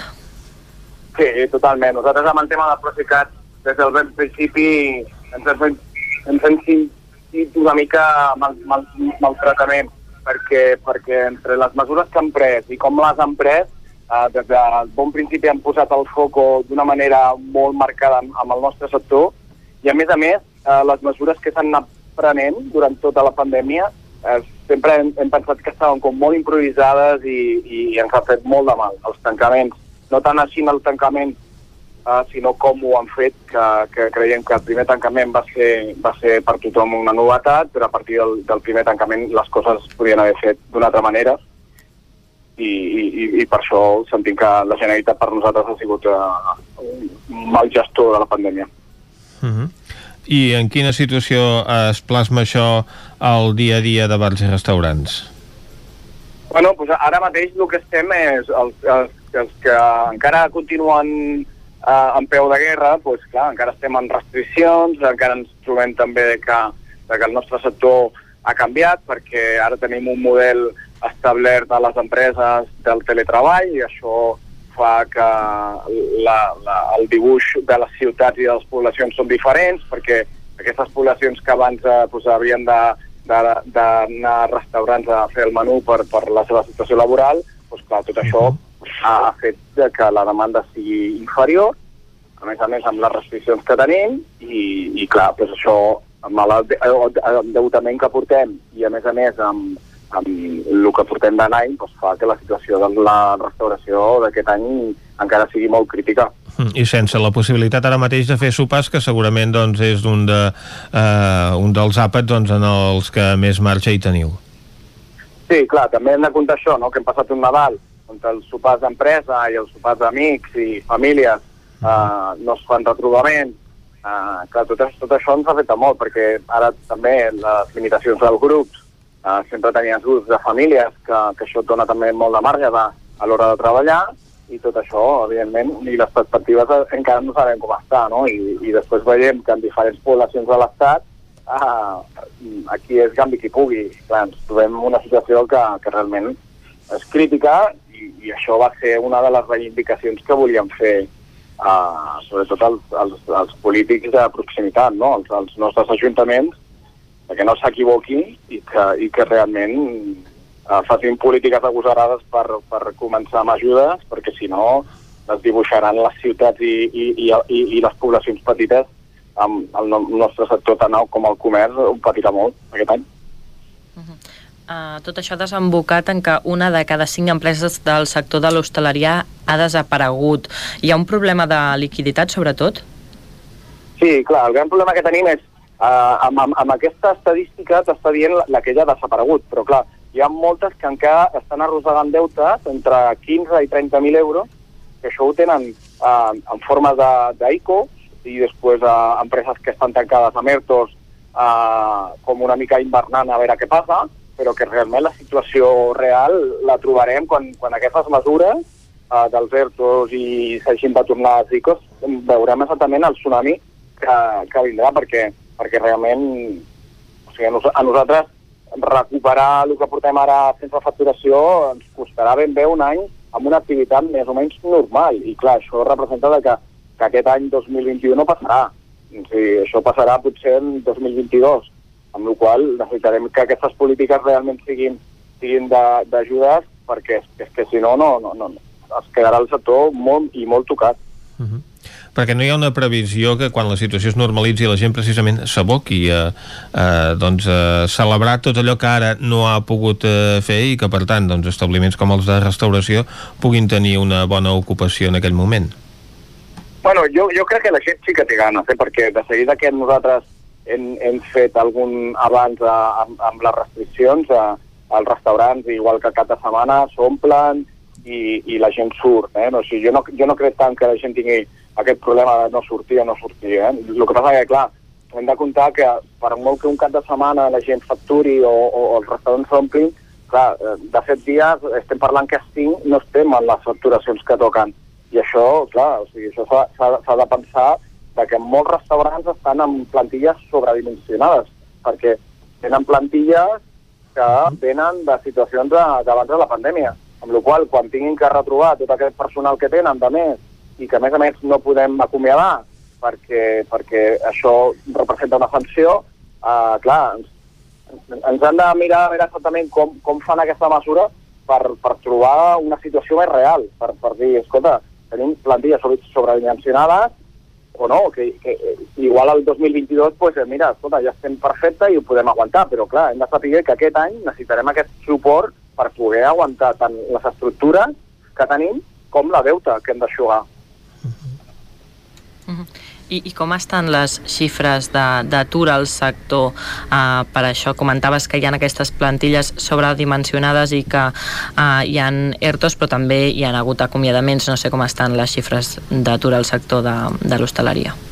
Compte que, que encara no són reals les xifres, perquè, perquè la gran majoria, 90%, són ERTOs, o sigui, amb la qual encara no estan en, en, en, en situació d'atur Uh, amb la qual encara no es veurà, perquè sí que és veritat que hi ha hagut restaurants pues, que han tingut que tancar i amb aquest tancament doncs, bueno, eh, aquestes plantilles evidentment estan a l'atur, però, però no, és, no és la realitat. O sigui, la gran majoria dels restaurants tenen encara gent en ERTO i restaurants que encara no han obert perquè amb les limitacions d'aforament del 50% no poder obrir a la tarda nit, que a lo millor era la seva franja de facturació, perquè clar, ca, cada sector té una franja, perquè nosaltres estem dividits entre les cafeteries restaurants, els restaurants pròpiament dit, no? Uh -huh. i després un altre tipus de sectors.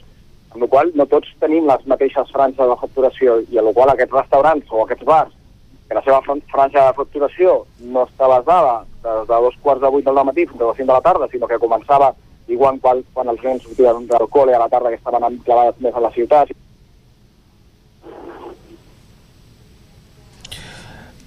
Com està eh, ara mateix eh, la situació al sector amb les ajudes doncs, que heu eh, rebut per part dels ajuntaments? Perquè molts doncs, han establert polítiques que han intentat doncs, solucionar aquest problema que estan vivint els establiments oberts de cara al públic alguns doncs, han aprovat eh, plans de contenció econòmica, altres han donat eh, subvencions. No sé si això ha estat suficient.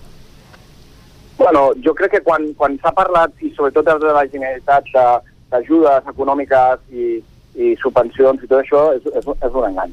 Un engany uh mhm. -huh. directament. Quan parlen de xifres de que han donat, de que han posat a sobre de, de, dels establiments no sé quants milions d'euros, és, és, és una estafa i un engany que la gent ha de saber. O sigui, pensa que un establiment normal, amb una plantilla normal mm, de 6-8 persones, eh, com a molt ha rebut, en tota la pandèmia, com a molt ha rebut 3.000 euros. 3.000 euros no arriben ni per pagar, eh, en molts casos, el, un, una mensualitat de la llum. Una mensualitat de la llum, de l'energia que gastem als restaurants. Amb la qual quan, quan, quan el Pere Aragonès o, o, o la consellera Budó han dit que han posat a sobre la taula, no han posat res, no han fet res no han fet res, no han fet res. Les polítiques que s'han fet a través de la Generalitat són una vergonya. I a través dels ajuntaments han arribat algunes ajudes, les que són minces, les que són eh, donacions de terrasses o, o, una ajuda amb les escombraries, però perquè, perquè ens han tancat quatre mesos i mig, amb la qual si no generem escombraries era yoshi que no paguem escombraries. Però per això t'ho dic, o sigui, és que les ajudes que s'han posat a sobre la taula eh, no estan, o sigui, són, són, són fum, o sigui, és molt fàcil mm. donar unes xifres, i, però que comprovin, que diguin els, els establiments que han donat aquestes ajudes. A quants han arribat? Quan van treure les ajudes, després el, el pitorreo aquest d'apuntar-te a, a la web, a no sé què, a, això no funciona, tres dies davant d'un ordinador, a, ara no, tu no, no has pogut entrar perquè no ets el primer. Ha sigut tot una vergonya i, i continua sent una vergonya. I les rebaixes en el lloguer dels establiments eh, els mesos doncs, que han hagut d'estar tancats han arribat? Bueno, això ha arribat en funció del, del tipus d'establiment que tinguessis, perquè uh -huh. això també estava supervisat a que el, si el, el llogater tenia no sé quants uh, locals, ho podria fer i era obligatori, uh -huh. però si tu tenies un lloguer d'una persona física normal, era un, un entendiment amb, amb la propietat i, i, i, el, i el restaurador amb la qual no tots han beneficiat d'aquest 50% que deia la llei, hi han hagut eh, eh, arrendataris que, que, que sí, que de seguida s'han posat a cara i, i, i, i s'han posat i, i han ajudat a aquest restaurador que portava tota la vida en allà i que era un, un bon inquilí i, i, i ha fet un cot a mà, però no és la gran majoria. O sigui, la gran majoria és que molts lloguers, de, sobretot de centres ubicats, eh, ara parlo, no sé, de Granollers, no?, en centres de ciutats que es paguen una fortuna allà, ningú ha rebaixat res. O sigui, I això ha passat en molts puestos. O sigui, hi ha uh, gent que sí que s'ha posat de cara i, i, i han fet un, un parell de mesos de, bueno, va, a veure com anem, però, però no la gran majoria. Per això dic que, que el sector eh, ens sentim abandonats amb, amb, amb, amb aquest aspecte. Nosaltres no estem eh, dient que si nosaltres érem al foco i s'havia de tancar els establiments, bueno, pues, uh -huh. endavant, pues, però anem a posar ajudes perquè a, a, a ningú se l'escapa de que és surrealista que et tanquin la teva manera de guanyar-te la vida i, uh -huh. i no et donin res, perquè és que eh, tothom hem de pagar hipoteques, hem de pagar col·legis, i, i som famílies que estem darrere d'uns negocis i que no som multimilionaris, o sigui que no podem suportar quatre mesos de tancament i pràcticament un any de restriccions, amb la qual l'administració s'haurà de rascar la butxaca i pagar la festa, perquè el que no podem fer és pagar-la nosaltres. eh, i per, per anar acabant ja, eh, la situació actual pel que fa a mesures sanitàries permet l'obertura dels establiments fins a les 5 de la tarda. Um, hi ha hagut una, bueno, una um, obertura així paulatina, mica en mica s'ha anat allargant aquest horari. Uh, ara mateix uh, hi ha molta diferència respecte als horaris anteriors a aquest pel que fa a beneficis que puguin obtenir els bars i restaurants? No, perquè hem de, hem de, hem de comptar una cosa. Quan, quan les mesures eh, ens van obrir de la franja aquesta que ens tancaven a dos quarts de onze i després tornàvem a obrir a, dos, a, a la una, amb aquesta franja sí que hi ha hagut una, una, una variació important, perquè al final tu pots tindre tota la plantilla treballant tot el dia i si tens a la cafeteria pots durant tot el dia pot entrar gent. Ara, el, o tancar les, a dos quarts de cinc o tancar a les cinc, l'únic que ens ha donat és que la gent està una mica més al restaurant, però, però no tenim més afluència de públic. No pots fer un altre torn. O sigui, al final, la gent el que ha fet abans, quan estaven tancats fins a dos quarts de quatre, la gent venia abans a dinar i marxava abans. Ara la gent, com ja sap que podem estar fins a les 5 de la tarda, el que han, han tornat als horaris que teníem tota la vida, no? de que la gent aquí pues, tenim la costum d'anar a dinar a les 2 de la tarda i ara pues, a les 2 o a les 3 de la tarda i s'allarga el dinar. Se'ns acaba el temps, gràcies per acompanyar-nos avui. A vosaltres, moltíssimes gràcies. El nou FM, la ràdio de casa, al 92.8. Vols gaudir d'un bon arròs a casa sense no haver d'embrutar ni preocupar-te per res? La Fogonera, paelles per emportar. Un seguit de paelles, tapes, platets i postres casolans pensats per a paladars exigents. Ara més, fem menús per a petits grups de comensals. La Fogonera, la rosseria de paelles per emportar a GURB i que també et portem a casa. Telèfon 93 851 55 75 i a lafogonera.cat. I quan cau la nit, Pupurri Culinari, solucions per sopar les nits de divendres i dissabte. Entra a pupurriculinari.cat i tria. A Aquari Jordi hi trobaràs periquitos, canaris i tot tipus d'ocells, conills, hàmster, ratolins, rates índies, peixos tropicals i molt més. Aquaris, tortugues, joguines i tots els complements i menjars per tot tipus d'animals. Vine a informar-te de totes les nostres ofertes. Aquari Jordi som al carrer 9 número 34 de Vic i també a Instagram.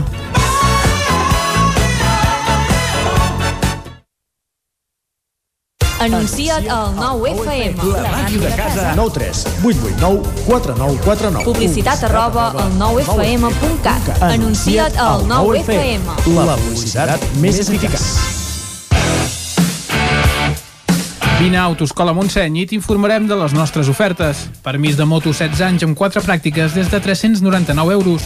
Permís de moto 18 anys amb 4 pràctiques des de 425 euros. Permís de cotxe amb 10 pràctiques des de 460 euros. I si vens amb un amic, et regalem una pràctica. Per més informació, Autoscola Montseny, a la Rambla de Vallades 13, primer segona de Vic, al telèfon 93 885 45 88 i també a Facebook i Instagram. Pintures Xavi Soler. Tot en pintures. Façanes, obra nova, rehabilitacions interiors de vivenda, estucs, microciments, pintura industrial, motllures, terres vinílics... Pintures Xavi Soler. Ens agrada assessorar-vos i fer de casa vostra el millor lloc del món. Ens trobareu a Manlleu, al carrer Sogorb 113, telèfon 616 15 87 33 o 93 851 3504. A Montse Estètic Vic celebrem dos anys. Tant si ets client nostre com si ens acabes de conèixer, gaudiràs de descomptes i promocions tot el mes de març. Aconsegueix un 2 per 1 en la depilació làser al portar un amic o amiga i enamora't gratuïtament de la presoteràpia mentre et fem un tractament facial. Cuida't més que mai. Ara amb el 20% de descompte en tots els productes. Vine a Montse Estètic i mima't. Ens trobaràs a l'Avinguda Pius 12, número 26 de Vic. Al telèfon 672 1704 23 i a la web montsestètic.com. El 9 FM, el 9 FM, el 9 FM.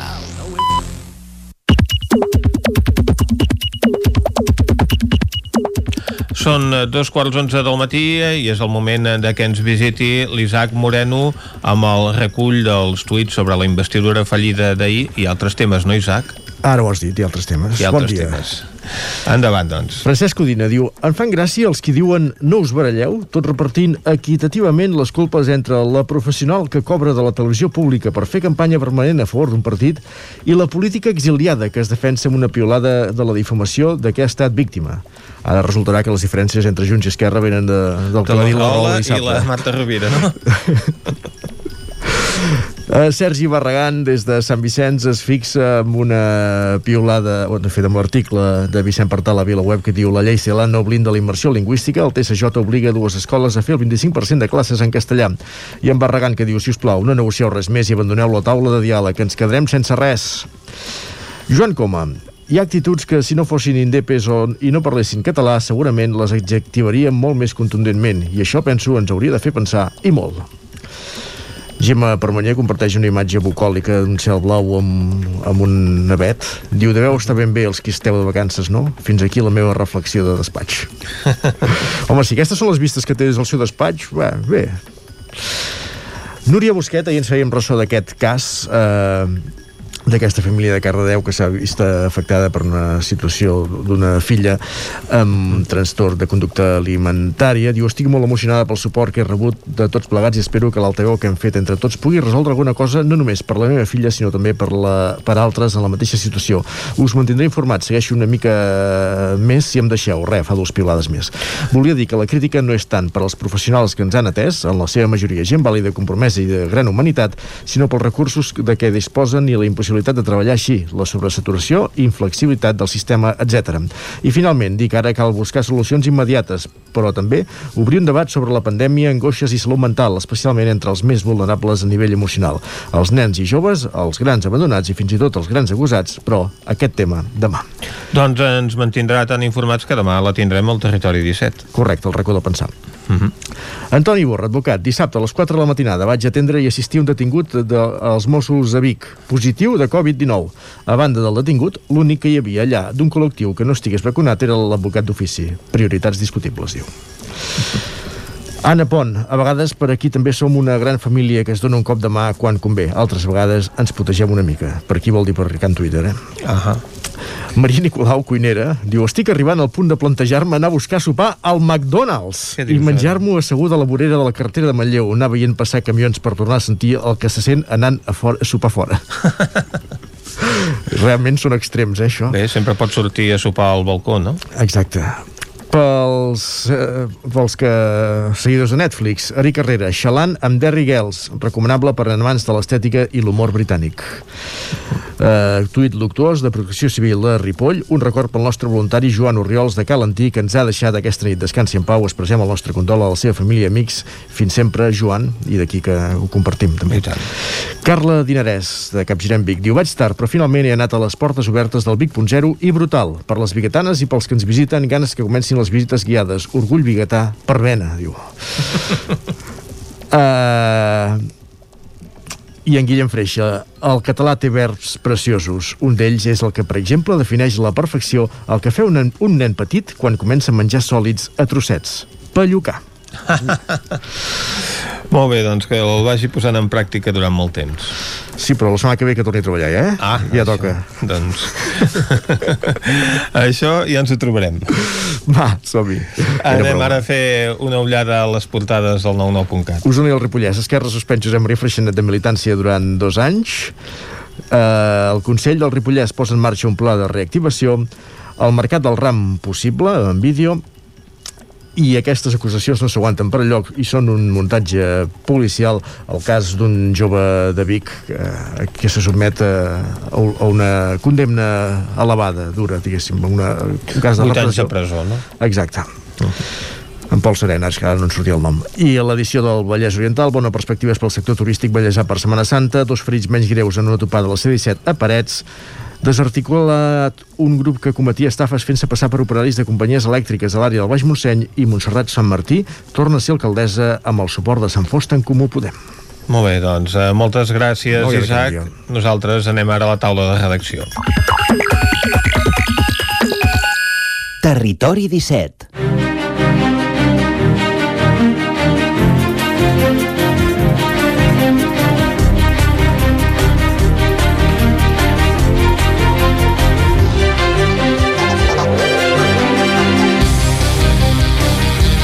Avui a la taula de redacció ens acompanyaran Jordi Vilarrodà i Miquel R.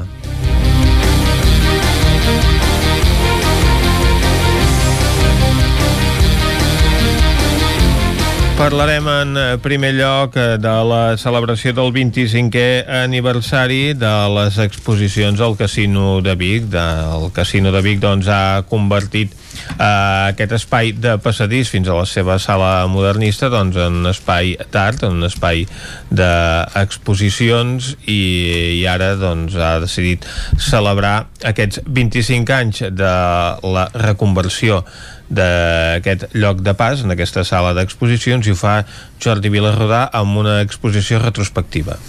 Sí, efectivament, bon dia. Aquest espai doncs, va ser curiós una mica el seu origen perquè parlem doncs, de 25 anys, l'any 1995 i uh -huh. s'agafa una proposta doncs, de la Junta per eh, crear una sala d'exposicions i què es fa? Doncs hi ha un passadís llarg que va des de l'entrada del casino, diguem, fins a la sala d'actes, la sala modernista, uh -huh. que és un espai que en certa manera és desaprofitat té un, un enrajolat molt bonic així d'aquests rajols blancs i negres uh -huh. aquests rajols hidràulics clàssics i unes parets que eh, eh, s'hi fa una senzilla intervenció que la fa eh, un interiorista i aparellador el Jaume Cabeza eh, que va morir l'any passat precisament uh -huh. i, i el, el, el vesteix de blanc o sigui, li fa un sostre amb claraboia, li fa unes parets blanques i sobre aquest espai neutre eh, es, es munta una sala d'exposicions una petita sala d'exposicions que uh -huh. durant aquests 25 anys ja anat funcionant amb regularitat i de fet és la sala que ha tingut una programació més regular de Vic al llarg de l'últim quart de segle eh, segurament també perquè eh, hi ha unes persones que se'n cuiden, que es designa sempre un comissari o comissària d'exposicions que va marcant la pauta, que va eh, eh, eh, parlant amb artistes, encarregant les exposicions, això fa doncs, que hi hagi una regularitat. I al llarg d'aquests 25 anys ha estat la sala més regular en la seva programació, portada primer per l'Anna Palomo, després la Natàlia Pérez i després l'Ernest Cruzats, actualment, que és el responsable de programació. El net ja, de la iaia. Eh, exactament, per entendre's. Uh mhm. -huh. Ha anat passant per aquí, doncs, eh, artistes, de, sobretot usonencs, sobretot usonencs, eh, encara que n'hi ha hagut de fora però molts han estat de la comarca. Ha estat un lloc que hi ha passat des de la gent amb, amb nom o la gent més consagrada diguem aquí a la comarca. Des d'un Josep Bernis o un Joan Forriols fins a gent de noves generacions eh, com ara gent que està destacant molt com, com l'Anna Dot. Eh, i, i entremig molts altres eh? llavors eh, aquesta exposició antològica recull l'obra de 24 creadors que en algun moment o altre han exposat aquí entre uh -huh. els quals també algun que ha desaparegut per exemple que és d'alguna manera un homenatge amb ells com el fotògraf Xesco Jiménez o l'Aina Roca que va morir d'un accident l'any passat i també és un homenatge al propi mm, a la pròpia persona doncs, que, va, que va reformar aquest espai que és el Jaume Cabeza que també va morir l'any passat eh, i, i s'agafa una frase d'ell curiosa curiosa que es va trobar en una, en una anotació d'ell del projecte que deia sobre blanc tot funciona que és, que és cert, és, cert és molt sí, cert sí. i a més a més moltes vegades uh -huh. les, les galeries d'art i les sales d'art tenen aquests espais blancs perquè, uh -huh. perquè és això, sobre blanc tot és, funciona exacte, o sigui, és la manera que imaginem, més l'obra clar, les exposicions aquí doncs, o sigui, el temple romà, les obres han de tenir una potència mm, molt gran uh mhm. -huh. per imposar-se sobre aquell fons de pedra tan uh -huh. contundent que hi ha en el temple uh mhm. -huh. romà. En canvi, sobre blanc tot funciona, que era la frase aquesta que, que amb, una, amb, un, amb uns dibuixos de, de, del Jaume Caeza de com s'havia d'arreglar aquest espai del casino, doncs eh, hi, va, hi va fer aquesta anotació eh, que, uh -huh. que ara s'ha fet servir com a títol de l'exposició. Coincideix, a més a més, això doncs, amb un relleu a la Junta del Casino, uh -huh. l'entitat que acull aquesta sala que d'aquí poc canviarà o de fet ja es pot dir que gairebé ho ha fet oficialment només falta ratificar-ho amb una assemblea de socis que encara no s'ha pogut fer per les circumstàncies que estem uh -huh. i eh, deixa la presidència Enric Comas que l'ha està president des de l'any 2004 si no recordo malament mm. i agafa la presidència una nova junta que, que com que és única candidatura que s'ha presentat ja es pot dir mm -hmm. que la presidirà l'editora Montse Iats mm -hmm. eh, i, i és un relleu doncs, que es farà efectiu d'aquí poc i la nova junta evidentment doncs, ha, dit que mantindrà doncs, aquest compromís amb la creació artística que és el de mantenir aquesta sala d'exposicions. Uh -huh. Aquesta exposició es pot veure, per cert, fins a finals d'abril al casino. Molt bé, doncs llarga vida aquesta sala d'exposicions al casino. Moltes gràcies, eh, Jordi. Nosaltres ara anem a parlar d'en Pau i la Laia amb en Miquel R. Miquel, doncs, un nou volum.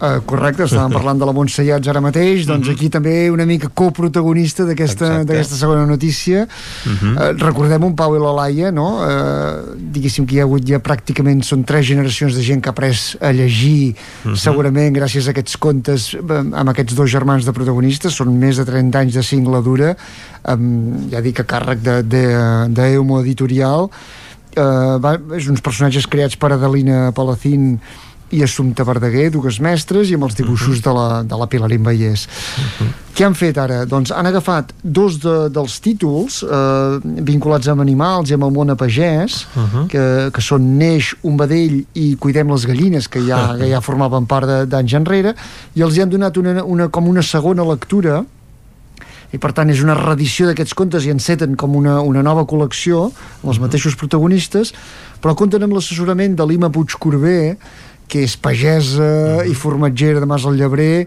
d'aquí les Lloses i a més a més molt activa a les xarxes i han agafat una mica que, que, que els hi faci aquest assessorament, diguéssim, més de, de, del de que és el món pagès. pagès, de la vida pagès, i per tant, i, eh, permetrà aquests contes, aquesta doble lectura de les aventures d'en Pau i la Laia i com se'n van mhm. -huh. sortint, i les trapelleries d'aquests dos germans, i paral·lelament, doncs, aprendre eh, coses autèntiques, diguéssim, de la vida pagès, una mica a, a, amb la idea aquesta que, que, que es va perdent no? la, la cultura pagès, ho deien una mica en la presentació mm també, ara ja comença a haver-hi abans hi havia generacions que tenien els pares o teníem els avis que encara eren, que encara eren de pagès i una mica d'allò i ara cada mm vegada més ens anem urbanitzant cada vegada més, ara hi ha molta gent que ni pares ni avis ni tenen i, mm i, i deien per exemple eh, durant la presentació hi, hi havia també la Clara Guindolany que va fer una mica de presentació i deia jo tinc alumnes que no han vist mai una vaca encara no? eh, eh, és allò que deien de, de, del que ens trobem, no? Cada dia som més urbanites i per tant sí que és veritat que a vegades tenim una concepció, no?, això molt urbanita del món a pagès,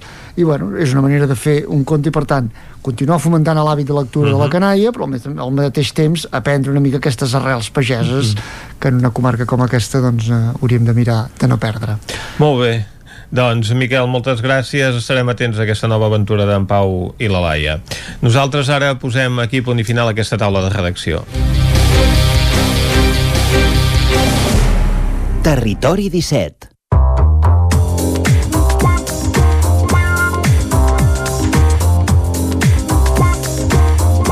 Doncs posem punt i final a la taula de redacció i quan falten dos minutets per tres quarts d'onze del matí, Vicenç, és hora de parlar de literatura.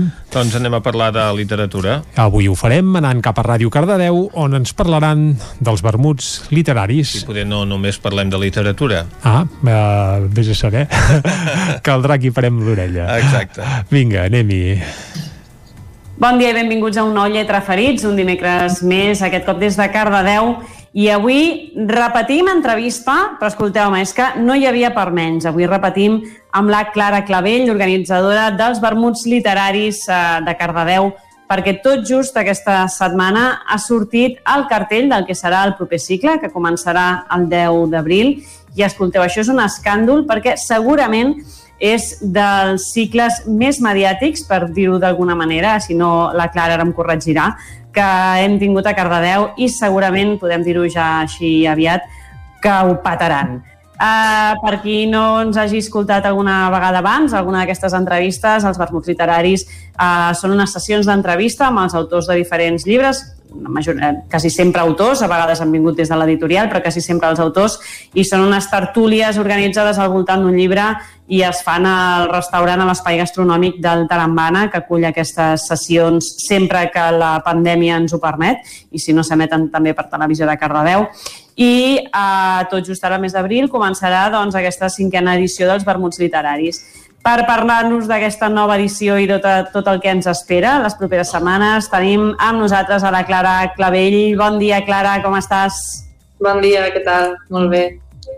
Escolta, uh, ho deia fa un moment, cartelón, cartelón dels... important, eh? Mediàtic, deia jo. No sé si trobes que seria la, la manera de batejar aquest cartell. Mediàtic o molt periodístic, no? També. Uh, Ara, si vols, entrarem en detalls, però sí, bàsicament, eh, bueno, de, la, de les quatre persones que, que, que vindran, tres d'elles són periodistes i bastant, bastant coneguts i després tenim una persona local que també sempre és un plaer apostar per la, la gent de, de, de Cardedeu o de la comarca i per tant eh, ens fa molt feliços doncs, presentar aquest cartell també eh, amb aquest punt local. No? Doncs, si et sembla, comencem per la primera d'aquestes entrevistes eh, que ens visitaran el 10 d'abril. Un reincident, que més sé que t'encanta, Torna el Xavier Bosch al Vermú Literari, aquest cop amb la dona de la seva vida. Et podria preguntar per què l'has escollit, però em sembla que això m'ho sé. Sé que ets una enamorada del Xavier Bosch, però explica'ns una miqueta més uh, per què enceta ell aquest, aquest nou cicle. Doncs mira, perquè um, a part que, com has dit, uh, és un autor que, que m'agrada molt, ja el seguia com a periodista i com a escriptor, uh, diguem que em va, em va acabar d'agradar més, um, perquè és un mes especial, no? L'abril és un mes especial, és el mes de Sant Jordi, i, i no l'havíem portat mai a, diguem, al voltant d'aquestes dates, sempre o, tan, o havia tancat alguna edició o havia vingut a, la darrera vegada que era per tancar l'any, al desembre del, del 19, i per tant ens semblava doncs, que, que era un mes doncs, uh, especial perquè tornés i, i perquè ho fessin coincidir als voltants de, de Sant Jordi. Que l'altra vegada va venir amb, amb paraules que... No, quin, amb quin van venir l'altre dia? Sí, oi? Paraules, paraules que tu entendràs, que de fet me'l vaig llegir just quan ja havia passat el cicle. Sempre vaig, vaig intentant pillar-te el ritme, però em costa, eh? Vaig, vaig a veure, a veure si ho aconsegueixo aquesta, aquesta vegada. Doncs aquest cop, amb la dona de la seva vida, te l'has llegit ja o encara el tens eh, preparat allò a la tauleta? L'estic llegint perquè va sortir fa una setmana, va sortir la setmana passada, el dimarts, el dia 17, i l'estic llegint. No, no l'he acabat, però l'estic llegint. Um, però bueno, és, com, és per mi és una aposta segura, era, dubto que no m'agradi. Vull dir, l'estil del, del Xavier Bosch m'agrada molt i trobo que és molt fresc, però a la vegada també uh, molt reflexiu i en aquesta novel·la um, em semblava interessant que fes com una barreja de, de, de tot el que ha tractat fins ara. És a dir, va començar fent una trilogia amb el periodista Santana, eren tres llibres més, això, més periodístics, i llavors amb, amb, amb Algú com tu, perdó, uh, va fer com aquest pas cap a, cap a una història, diguem, més uh, amorosa, no? I va fer aquest salt amb, amb això, amb, amb unes històries, diguem, podríem dir, més properes a, a, a tothom o que ens podríem sentir potser més identificats que no amb les més periodístiques. I en aquest cas fa una, fa una mica la barreja perquè ens presenta un, una trama periodística, però a la vegada que es barreja amb un entrellat familiar que és, uh, en aquest cas són tres germans i, i fa un homenatge no, a la figura dels germans, no, que suposa una mica doncs, aquesta relació entre, entre germans. I a la vegada ens tracta aquest tema periodístic que són el, és el tema dels nens robats que, que el que fa és recuperar un programa que havia fet fa 9 anys a l'Àgora, quan ell presentava l'Àgora, en què va presentar un programa que deia Qui va robar el meu fill? I diguem que aquest tema diguem, el tenia rondant pel cap no? i d'alguna manera doncs, ara l'ha plasmat en forma de, en forma de novel·la i fa aquesta crítica no? d'aquest silenci i d'aquesta mirada cap a l'altre costat que, que ha fet l'estat espanyol en aquest cas per no, per no donar una solució i intentar abordar aquest problema. Doncs amb aquesta primera novel·la del cicle, novel·la amb rerefons crític, cap a un fet històric bastant, bastant important, que a més va, crec que va deixar tothom una mica en xoc, com és la història de, dels nens robats, i que com aixecar la manta i que comencessin a sortir històries, doncs déu nhi atacar-lo i des del punt novel·lístic en aquest cas. Uh, començarem amb Xavier Bosch, doncs, el 10 d'abril, i seguim, com deies, amb escriptora quilòmetre zero, l'Alba Dalmau, el dia 15 de maig. Uh mhm. -huh. L'Alba Dalmau, amb Amor i no, que vam tenir la sort de poder parlar amb ella ara farà un mes, també aquí al Lletra Ferits, i confesso que ara sí, vaig pel capítol 4 d'Amor i no. M'estic posant al dia, que és amb el que penso que aquest cop potser t'arribo a agafar, no? Explica'ns una miqueta d'aquest Amor i no, que tot i que l'Alba ja ens va explicar per què l'has escollit. L'he escollit perquè també l'Alba la, també és una reincident dels vermuts. Uh, de fet, la vam tenir al novembre amb Capgirat, tot i que era un registre molt diferent, era un àlbum il·lustrat amb la, amb la Cinta Vidal, també de Cardedeu. Um, I la vam tenir també doncs, amb el Camí dels Esbarzers, que era, que era un llibre de, de, de relats. I, bueno, primer em semblava molt interessant uh, presentar una novel·la de l'Alba, i també, sobretot, la temàtica que, que, que ens presenta, no? que és una mica aquest amor poc convencional que pot haver entre un home i una dona, en aquest cas és una noia catalana i un, i un home suec, i, i una mica doncs, a, a, aquest qüestionament de si un home i una dona que han sigut parella en el passat poden seguir tenint una bona relació, una mica aquest homenatge en aquest cas de si podem tenir bons ex o si podem ser nosaltres mateixos bons ex, no? I em semblava interessant eh, aquest, aquesta reflexió en forma de novel·la perquè vivim en una societat, eh, ara mateix podríem dir, en què tot està canviant, no? O sigui, les xarxes socials estan al punt de mira, eh, hi ha menys casaments, o menys és la, el que percebo jo al meu sensació, no? Mm. Sí. I em semblava interessant que, que l'Alba ho posés una mica de, de manifest i, i ho expliqués a través d'aquesta història tan curiosa. Amb ella parlàvem també farà un mes quan parlàvem d'amor i no, d'aquest una mica trencament actual amb la visió de l'amor romàntic i la percepció de que hi ha moltes altres maneres d'estimar eh, sí. i sobretot en una relació d'entre home i dona que sempre es pressuposa eh, aquest tipus de, de relacions d'amor romàntic, doncs aquest, aquesta nova visió, no? Va semblar molt interessant. Doncs Amor i no, la posta quilòmetre zero d'aquesta cinquena edició dels Vermuts i ens anem ja al mes de juny eh, que ens visita l'Albert Tom amb sí. el dia que vaig marxar. Explica'm. Sí. Uh, no puc dir gran cosa d'aquest llibre perquè encara no ha sortit, però bàsicament... Que tu ja ho veies clar, no?, que l'Albert Tom era aposta també, eh? Sí, bueno, de fet em feia gràcia perquè um, ja és un tema més personal. L'Albert va ser com el meu padrí de, de, de carrera, no? I, mm -hmm.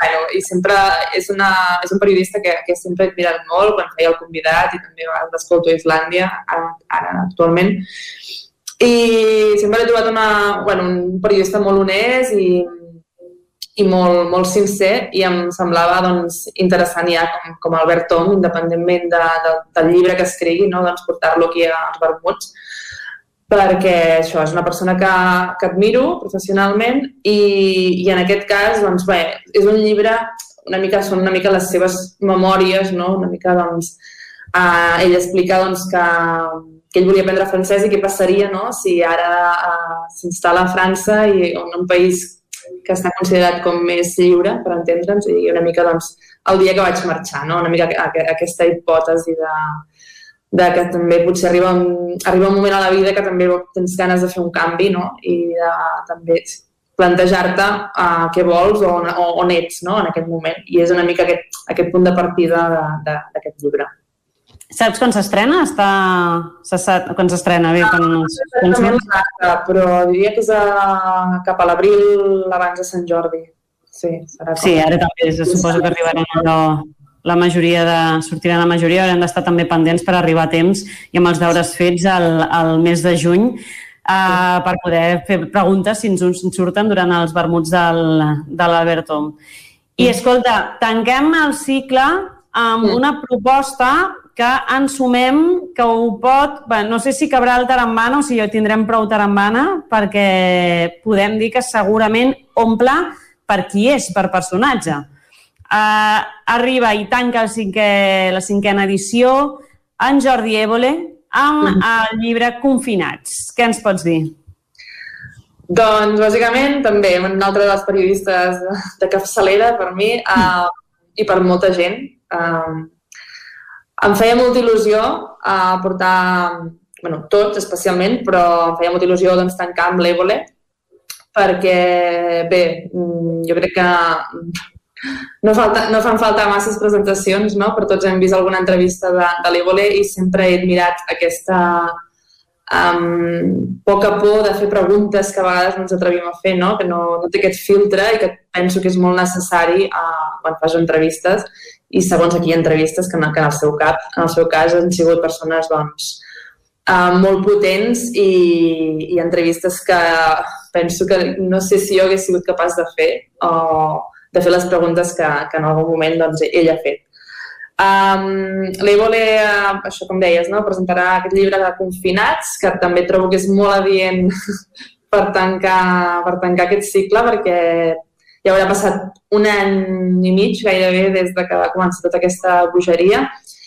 I, i bé, el llibre eh, sí, és, un, és una mica un retrat no? de, de, de tot el que hem viscut com a societat, sobretot una mica un homenatge a tots els, tots els sanitaris que han estat darrere d'aquesta pandèmia i que estan al capdavant cada dia uh, lluitant-hi. I també doncs, va fent incisos a persones més mediàtiques, des de, des de Sabina, Rosalia, i fa petits, doncs, petites, um, petits capítols en, en què fa aquesta, aquesta explicació de persones més mediàtiques també com han, com han viscut aquesta pandèmia. Um, bàsicament això. Um... Hi, ha pressió, hi ha pressió afegida amb això de fer una entrevista a l'Eole? En plan, entrevistes de la seva pròpia medicina? No. Em fa molt respecte entrevistar a l'Eole, em fa molt respecte perquè, bueno, clar, és, per mi és com el, el periodista de les entrevistes, no? Pròpiament dit, vull dir... Però a la vegada també penso que mm, és una persona, crec que és propera i que, bueno, de seguida que li van dir si volia venir a Cardedeu va ser que sí, i, i bé, doncs molt contents i esperant que, que el tarambana no, no, no es dispari, no surti, no surti volant. El Hem de fer doble, doble sessió, no? Allà un bolo extra. Sí, sí, sí, de fet, a veure, hi ha molta gent que demana si hi ha inscripcions, si no hi ha inscripcions. bueno, en principi ho farem com sempre i volem, volem tenir el funcionament de sempre, però sí que fa una mica de respecte de, de veure què, què passarà no? aquell dia, però bueno. Parlem de, parlant una mica d'aquest seguiment dels vermuts, que eh, estava clar que era una cosa que cada vegada anava més. Amb tot el tema de la pandèmia, eh, bé, s'han salvat una mica els trastos com s'ha pogut, de manera virtual, també doncs, després amb l'espai una mica més limitat o assistència més limitada, però podent-se seguir per televisió. No sé les últimes com, com han anat, la gent s'anima a venir, hi ha por o no de, de participar en aquest tipus de trobades. Com, com ho heu viscut des de l'organització? Doncs ha estat una sorpresa molt bona, la veritat, perquè um, sí que quan vam començar a l'octubre semblava que, que costava, o sigui, la de l'octubre va anar bé, però érem potser 20 persones, vull dir que que bé, correcte, però sí que notaves aquest, a veure què passarà aquest any, si la gent vindrà o, o no. I llavors, clar, com que ja al novembre sí que ens van mig, confinar i no vam poder-lo fer, vam fer online, com vam tornar al, al desembre, bueno, de fet, perdó, vam, al novembre en tenien dos i sí que en vam fer un uh, presencial, que era el de, la, el de Capgirat, el de l'Alba i la Cinta, mm -hmm Um, va anar molt bé, també sent les dues de Cardedeu doncs van, van reunir mo molta gent i al desembre també va anar molt bé, una Marta Carnicero i al, al gener vam encetar el segon trimestre de, de la cinquena edició amb la Clara Moraleda, que també va, va funcionar molt bé, d'assistència. I la sorpresa també va ser al febrer, amb el Guillem Sala, en què jo pensava que seria un vermut això, unes 20-25 persones, que és més o menys la, la, la mitjana de, potser diríem, dels uh, vermuts menys mediàtics, per, per mm -hmm. I vam ser gairebé 50 persones, vull dir que va anar molt bé. I el darrer, que va ser ara al març del Francesc Sarés, fa dues setmanes, també eren gairebé 60. Vull dir que molt bé. Mm, la veritat és que molt bé, la gent sí que té ganes de, de, de venir. M'he trobat també que s'ha creat algun club de lectura arrel dels llibres que, que portem, és a dir, que hi ha ah. tanta gent amb el llibre llegit, que això també fa il·lusió. De dir, la gent fa els deures. Home, jo, és una mica el que dèiem abans, veus el cartell i dius ja posa't les piles perquè si no no arribes, no? Sí, sí, tot, vull dir que tots són sorpreses i, i et sorprèn doncs, també la, la predisposició de la gent, gent que repeteix, gent nova i i valoro, valoro molt l'aportació la, final en què la gent pregunta i té doncs, aquesta, aquest interès d'anar més enllà de, del que ja s'ha dit a l'entrevista i això fa que, que el cicle doncs, encara s'enriqueixi més i tingui més sentit. Doncs Clara, eh, enhorabona per aquests vermuts que segueixen creixent, edició rere edició. Tot i les pandèmies i el que vulgui venir, està clar que, que s'està fent molt bona feina darrere i que hi ha un seguiment cada vegada més gran. Així que enhorabona, moltes gràcies i que vagin super, super bé aquesta propera edició. Ja l'anirem seguint de ben a prop, ja ho saps, això. Molt bé, gràcies, Maria. Gràcies, bon dia.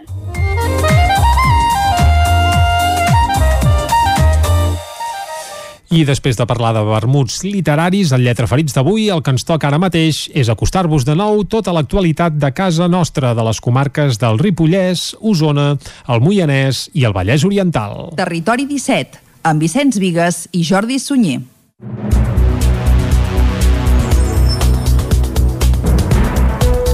La Fiscalia demana una condemna de 8 anys de presó per Pol Serena, un jove resident a Vic acusat de, de desordres públics i atemptat a l'autoritat, entre d'altres, durant la vaga general del 21 de febrer de 2019.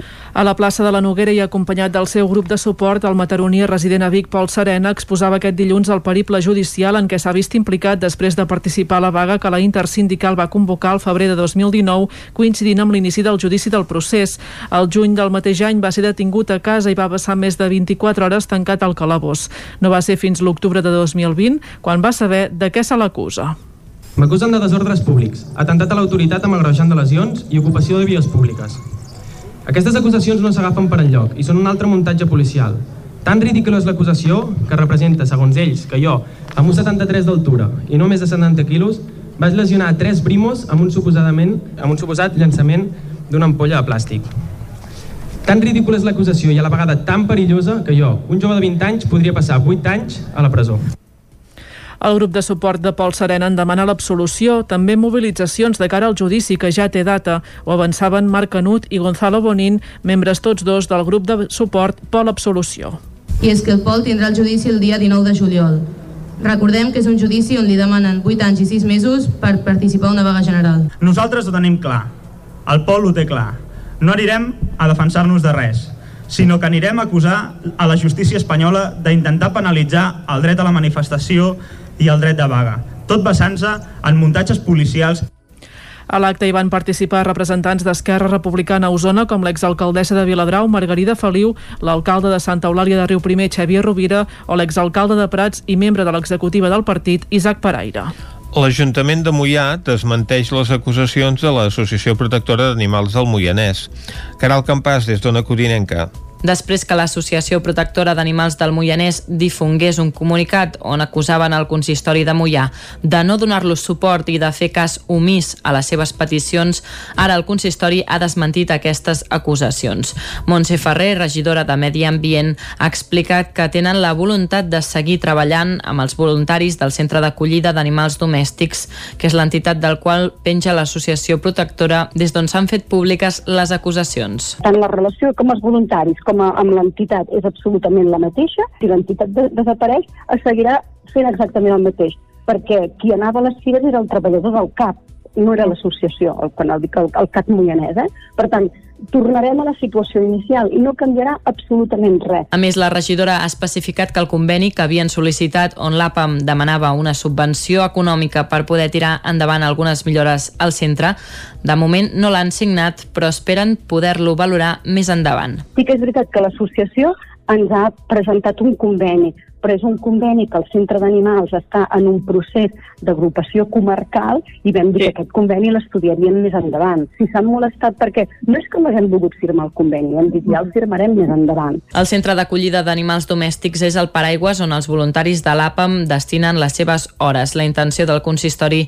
és que en un futur el centre funcioni de manera comarcal.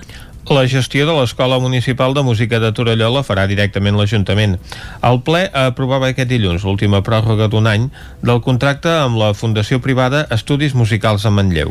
L'Ajuntament de Torelló assumirà de manera directa la gestió de l'Escola Municipal de Música. Ho farà quan acabi l'última pròrroga d'un any del contracte amb la Fundació Privada Estudis Musicals de Manlleu, que porta el centre torellonenc des del setembre de l'any 2016.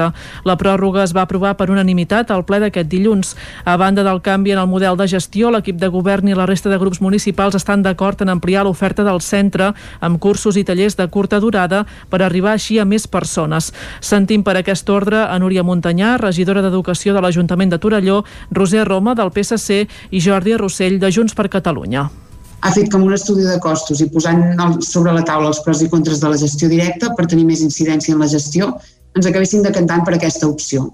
Això ens permet tenir més estabilitat, ja que no s'haurà de licitar el servei del qual participen tantes famílies cada X temps.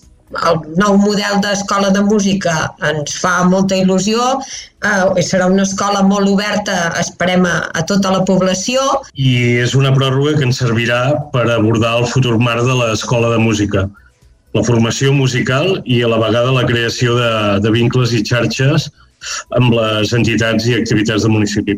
Els quatre grups de l'Ajuntament de Torelló també van votar favorablement a la moció de la CUP per la creació d'una comunitat energètica local. Jordi Casas és regidor de la CUP Torelló Som Poble i Adrià Jaumira, el regidor de Serveis Territorials i Medi Ambient de l'Ajuntament de Torelló. La transició energètica és un, gran, és un repte gran i urgent i no podem esperar a veure què passa i si ens ho solucionen. Tenim les eines de fer-ho possible eh, i per tant la pregunta és ens hi posem. Les comunitats energètiques són viables i han de ser viables. L'únic que sí que és veritat que si esperem a tenir aquesta regulació um, més clara a nivell espanyol, que en teoria s'ha previst que surti ara a l'abril-maig, és el que ens ha de permetre com ho aterrem a Torelló. La proposta de la CUP de la CUP, volem dir, contempla la creació d'una comunitat energètica que utilitzi espais públics i privats amb control i participació ciutadana i d'una comercialitzadora elèctrica local en format de cooperativa. Les esglésies romàniques més petites del Ripollès es podran visitar gràcies a uns recorreguts virtuals en 3D. Isaac Muntades, des de la veu de Sant Joan.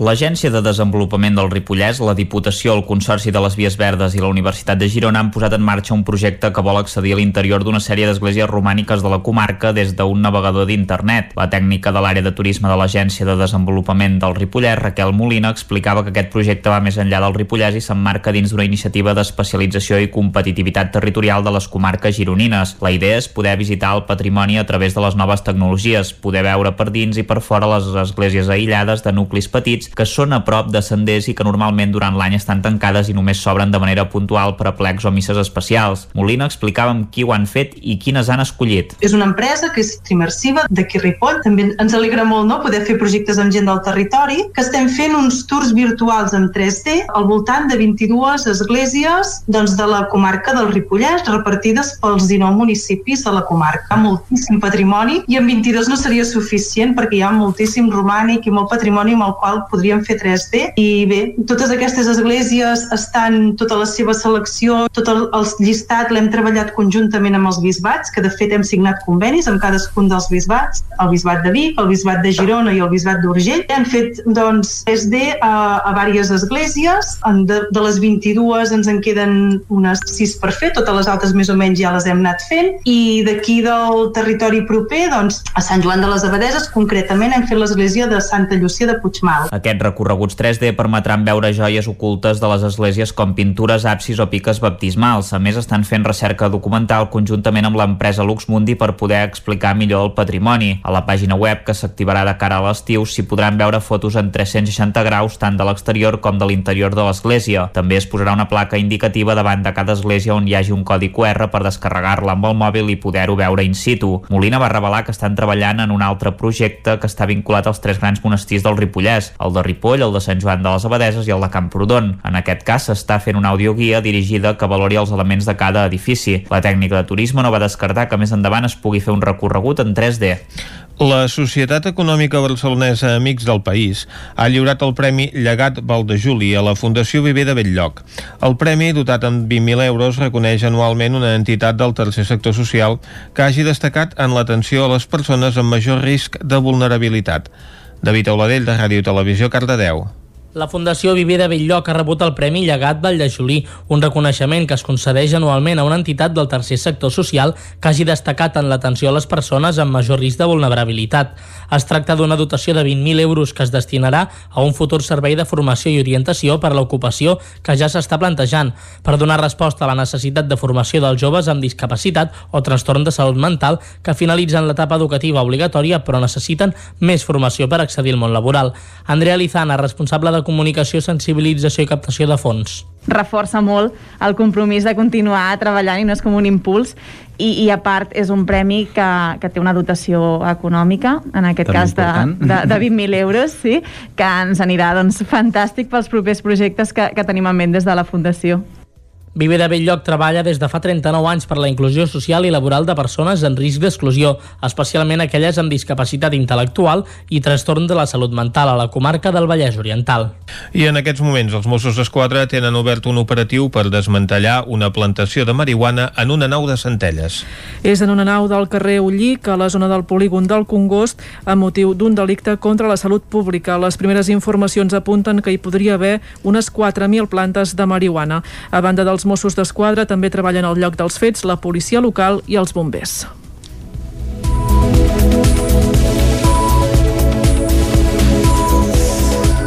I amb aquesta darrera hora tanquem el butlletí informatiu de les 11 del matí que us hem ofert amb les veus de Vicenç Vigues, Natàlia Peix, David Auladell, Caral Campàs i Isaac Muntades. El que farem és una breu pausa de mig minutet i tornem de seguida amb el territori sostenible, com cada setmana amb en Jordi Givert. El saludarem de seguida. Territori 17. Envia'ns les teves notes de veu per WhatsApp al 646 079 023. 646 079 023. WhatsApp Territori 17.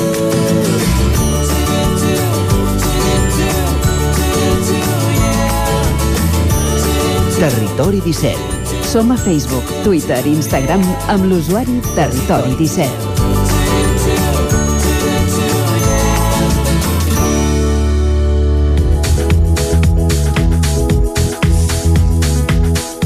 Doncs falten 3 minutets per un quart de 12, seguim en directe a Territori 17 i Vicenç, no sé si t'has fixat mai en els camins, sobretot de pagès, que hi ha aquelles parets de pedra seca que estan gairebé en perill d'extinció i gairebé no en queden, uh, sí? N'has vist mai? Sí, doncs eh, algunes, la veritat que sí, a vegades eh, en alguns llocs han quedat ja tan malmeses que un es queda molt dubte de si allò va ser una paret en el seu moment, eh, si realment què és el que ha passat allà, no? Perquè costa d'identificar en alguns punts fins i tot perquè evidentment aquestes, aquests elements del patrimoni perquè ara els hem de considerar així, doncs la veritat és que no han estat eh, gaire cuidats ni gaire valorats durant molts anys Mhm. i en molts punts s'han eh, malmès i pràcticament són imperceptibles. Doncs bé, a les illes sí que ja fa temps que hi treballen i s'estan recuperant, a les illes em refereixo sobretot a Menorca i a Eivissa i Formentera també, i en aquest cas a Territori 17 també. Ens ho explica avui en Jordi Givert a Territori Sostenible.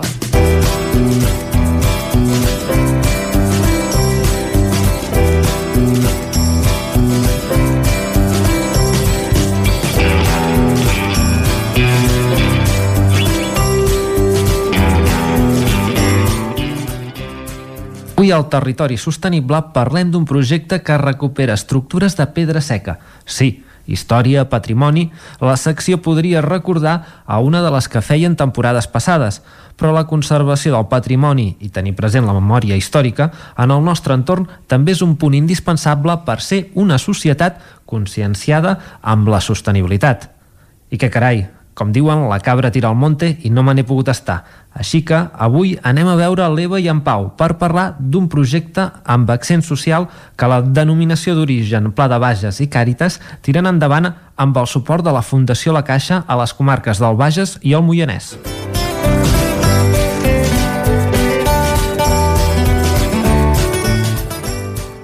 Doncs el programa d'avui ens hem acostat fins a, a la seu de la DO Pla de Bages per, per parlar d'un projecte que, que han iniciat aquest 2021 de recuperació de barraques de, de pedra seca. M'acompanyen l'Eva Ferrer de, de la DO Pla de Bages i el Pau Collado i el Pau Collado de la, de, que és el, qui encapçala el, el projecte i, i està en primera línia, diguéssim, eh, re, recuperant o re, refent aquestes eh, barraques de pedra seca. Per, per començar una mica i, i situar-nos, eh, s'ha fet aquest projecte amb la col·laboració de, de Càritas, de, de la Caixa i de l'ADO, eh, on s'han començat a, a refer eh, barraques de, de pedra seca. Com, com neix aquesta idea, aquest projecte? Eh, doncs aquest és un projecte que, que neix um, de la col·laboració i de la, de la bona voluntat de treballar plegats de, de Càritas i la denominació d'origen eh, on fruit de, de treballar els dos amb dos en aquest tema Càritas en tema de formació i inserció i la DO pues, en tema de difusió del paisatge eh, es va firmar un conveni farà dos anyets o tres va, com una declaració d'intenció de col·laborar i de donar difusió i visibilitat en aquest tema, crear ocupació i inserció uh -huh no? però, surt, però queda com una mena de, com una declaració d'intencions no? i amb el temps, eh, coincidint amb els 25 anys de la DO la voluntat de la Caixa de celebrar alguna cosa doncs des de la DO eh, un bon dia contacten amb Càritas per proposar-los el projecte, un projecte concret no? de restauració i reconstrucció de, de barraques i marges de pedra seca Sí, tal com diu el Pau, doncs la, la, la relació amb Càritas de la, de la nostra entitat ve de lluny. Uh -huh. uh, la DEO Pla de Bages des de fa molt temps no? que uh, expliquem uh, els orígens vitícoles de la comarca, no? una comarca que havia tingut fins a 27.000 hectàrees de vinya i per tant aquesta arquitectura del paisatge en pedra seca, no? a través de quilòmetres i quilòmetres de murs de pedra seca, uh, som la barraca, ai, som la barraca, som la, som la comarca amb més barraques de pedra seca, amb més, amb més construccions de tot Catalunya, en tenim més de 4.000 inventariades, no? i creiem que cal posar en valor tot aquest paisatge cultural i, i més encara si pot ser a través d'una iniciativa d'inserció social com és Càritas. No? Sempre hem intentat doncs, uh, oferir o, o, o explicar els, el, el servei que, que s'ofertava des, de, des del personal format per Càritas i quan hem tingut l'oportunitat doncs, de crear aquests ajuts doncs, ha sigut una bona oportunitat de treballar a tres bandes i ara el projecte ha començat eh, treballeu amb, vinculats a, amb Càritas eh, com, com és el, el procés? Primer es fa una formació però, eh, eh, com treballeu a l'hora de, de, de començar el projecte? Mm. Des de Càritas ja fa 3 anys que es fa una formació que se li diu de polivalència en el peonatge agrari uh -huh. i un dels mòduls, entre ells, és la restauració de marges de pedra seca. Eh, llavors, en aquestes formacions, on hi, on hi participen col·lectius en risc d'exclusió, eh, principalment gent irregular en situació administrativa irregular, o operats de llarga durada, o altres eh, persones derivades també del CIO, del Centre d'Iniciatives de l'Ocupació de Manresa, eh, doncs s'han anat fent diverses formacions on han anat passant doncs, diverses persones on se'ls ensenya i se'ls presenta aquest tipus de feina uh -huh. eh, que curiosament molts l'han vist en el seu país però també està doncs, infravalorada sí. no? per exemple, uh -huh. molta gent de Marroc doncs a Marroc també hi ha moltes construccions de pedra seca però és cosa dels avis, és cosa que, de, que ja no es valora també no? Uh -huh. Eh, doncs aleshores, eh, amb aquestes formacions i algunes formacions d'aprofundiment que s'han anat fent, doncs ha anat sortint una colla de gent eh, bastant ben preparada no? per poder desenvolupar les tasques de restauració de pedra seca. I a partir d'aquí, doncs, eh, el que s'ha fet és poder ocupar persones que ja estiguin preparades, algunes que ja estiguin preparades, perquè tot i que la pedra seca sembla com fer un puzzle i sembla que sigui molt fàcil, sí. doncs té una tècnica concreta i no és tan fàcil. És més complexa del, del que sembla. És més complexa del que sembla. Hi ha una tècnica de darrere que, que en alguns, algunes comunitats, en alguns països, s'està doncs, eh, regularitzant i s'està estandarditzant i s'estan creant normes per, per, per, bueno, per valorar-les no? I, uh -huh. i estandarditzar-les doncs eh, és una tècnica més complexa del que sembla. Doncs aquí, clar, doncs el que fem és ha sigut ocupar una, algunes d'aquestes persones que ja tenen més experiència i afegir-hi algunes persones que no tenen experiència però se'ls pot donar aquesta experiència no? bàsicament doncs han de ser persones que tinguin ganes de treballar no? al final és una feina a l'exterior és una feina que mous pedres és dura però si la gent té ganes de treballar és una feina maca perquè estàs a l'aire lliure és molt manual eh, et permet bastanta autonomia i és una forma de treballar en equip doncs, molt interessant també. Quanta gent eh, heu donat feina amb, amb el projecte? L'equip de gent quan sou? Ara mateix som dos persones de, de, que venen de Càritas i, i jo mateix que també m'he ficat a davant del projecte uh -huh. per garantir que les coses surtin bé i es preveu com a mínim d'aquí poc una tercera persona que es pugui contractar una tercera persona i amb el temps pues, ja també dirà sí, sí. No? hem d'anar veient com són capaços d'organitzar l'equip i la gent també que sigui capaç que, que rendeixi, que, que li agradi, que ho disfruti i, i que surtin feines també. Sí, sí. En, uh, heu començat a, a això no, em sembla que des de la DEO es va obrir com un, una, una convocatòria uh, quanta gent s'ha presentat amb per, per reformar aquestes barraques? Uh, quan, o sigui, quina llista en teniu? De, Això durant l'any passat, crec que el mes de setembre es va obrir la convocatòria, no? Crec que hi havia més o menys uns 25.000 euros uh, per restauració de barraques per executar durant tot aquest 2021 vam tenir jo crec una vintena de sol·licituds. 21 sol·licituds. 21 i gairebé jo crec que hem arribat a, a assolir a, la majoria de, de sol·licituds s'han aprovat, o sigui es faran durant aquest any 2021 i aquestes bases van intentar ser el màxim d'objectives possible a l'hora de signar, no? o sigui, el que es valorava moltes vegades ha sigut doncs, que uh, la persona que, que demanava l'ajut tingués alguna una relació directament amb l'agricultura la, amb o amb la viticultura o que aquests elements que es restauressin després tinguessin una difusió no? a través del turisme o a través de, a través de la cultura i, i, i crec que aquest any estem contents amb, amb, mm. amb les sol·licituds que hi ha hagut. Hi ha hagut una bona resposta. Sí, sí realment es va obrir la convocatòria a finals de setembre, al principi mitjans d'octubre, si no, i es va obrir per un període d'un mes i, i es van rebre 21 sol·licituds que ja ocupaven el pressupost eh, que teníem destinat per, per això. Val. O sigui que es pretenia obrir després una segona ronda per si de cas quedaven places buides o quedava remanent de pressupost, però no n'ha quedat. Vull dir, estem contents perquè realment hi va haver una bona demanda. I les diferents, eh, aquests 21 projectes són a municipis de, del Bages, de la, de la DO, o sí, sí o sigui, per delimitar-ho d'alguna manera el que es va fer és agafar el mateix àmbit d'actuació que el de la DO, la de Bages, que actualment són els municipis del Bages i la part del Moianès, que abans eren antic Bages, i en total són 35 municipis i està obert a tots aquests. I podem posar algun exemple d'on esteu treballant, de, de les barraques que, o com són o, i a quin lloc estan, uh, sí. per, uh, que ho puguem visualitzar una mica. Uh -huh. no, realment les candidatures i sol·licituds i que s'han adjudicat s'han repartit uh -huh. bastant en tots els municipis de, de, de, de, de la DO. del marc de la DO. Uh -huh per exemple, fins ara hem estat treballant doncs, al voltant de Manresa, vull dir que hem estat treballant aquí a, a, a l'Ulla del Mas, ara hem estat a, a la Fundació Empans, uh -huh. eh, que és a Sant Salvador de Guardiola, a la finca Urpina, també hem estat treballant a Sant Iscle, Sant Fruitós de Bages, i es preveu pues, anar a fer restaurar barraques a Sallents, preveu anar a Castellvell i el Vilàs, preveu anar a Súries, preveu anar a Cardona, vull dir que queden bastant distribuïdes al llarg de tot el, de diferents municipis de, de la DO. Uh, I uh, són, uh, ara ens parlaves d'alguns cellers, són els cellers que hi han participat o són gent, pagesos, gent de la zona, algun ajuntament, els que, els que ho han proposat, han enviat el projecte, hi ha de tot? Sí, hi ha de tot, uh -huh. hi ha de tot. Hi ha ajuntaments que s'hi han apuntat, hi ha cellers i gent vinculada al món del vi i també hi ha pagesos que, uh -huh. que volen restaurar el seu patrimoni que, està, que el tenen a les seves finques. O sigui que ha quedat bastant repartit en, en tot. I també hi ha particulars que senzillament ai mira vull refer aquesta barraca que tinc davant de casa i, i ha pogut entrar. Que era, i durant tot l'any anireu fent aquests 21 projectes, no?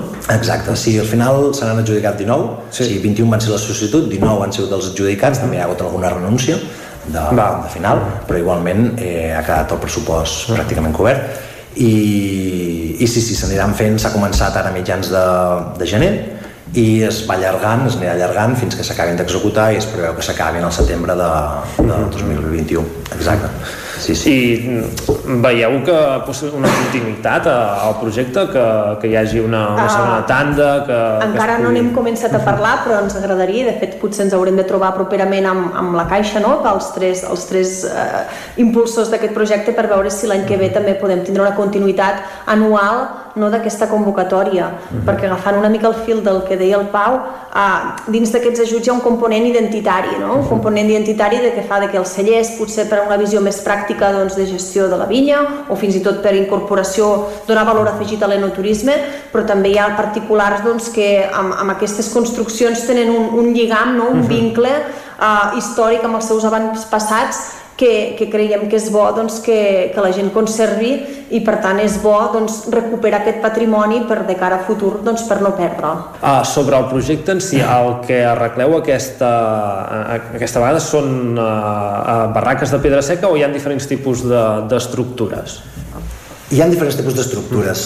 i eh, s'han de refer marges, uh -huh. s'han de refer barraques i fins i tot s'hauran de refer dos tines. Uh -huh. O sigui que també a Talamanca s'hauran de refer, bueno, hi ha de les tines sí, sí. A, a peu de vinya, doncs, dos cúpules enfons, que se van enfonsar, doncs els propietaris de, de, d'aquest Del territori i de, terreny. de, de, d'això, i de les tines doncs, les volen recuperar, justament per mirar de vinificar més endavant. No? Vull dir que hi ha diferents elements, però bueno, el més destacable podria ser aquestes dues tines sí. ensorrades. No, és interessant que després puguin, de, a més a més, reutilitzar-se sí, de nou. I tant, i tant, i tant, sí, sí. Molt bé, doncs moltes gràcies per, per atendre'ns i per uh, explicar-nos el, aquest projecte que trobem molt interessant i anirem seguint com, com, treball, com treballeu i, i si hi ha una altra uh, tongada de, de concurs, no sé com dir-ho ara, d'ajudes, uh, no, també ens, en- ens en farem ressò des de, des de la ràdio. Molt bé, moltes gràcies. Moltes gràcies.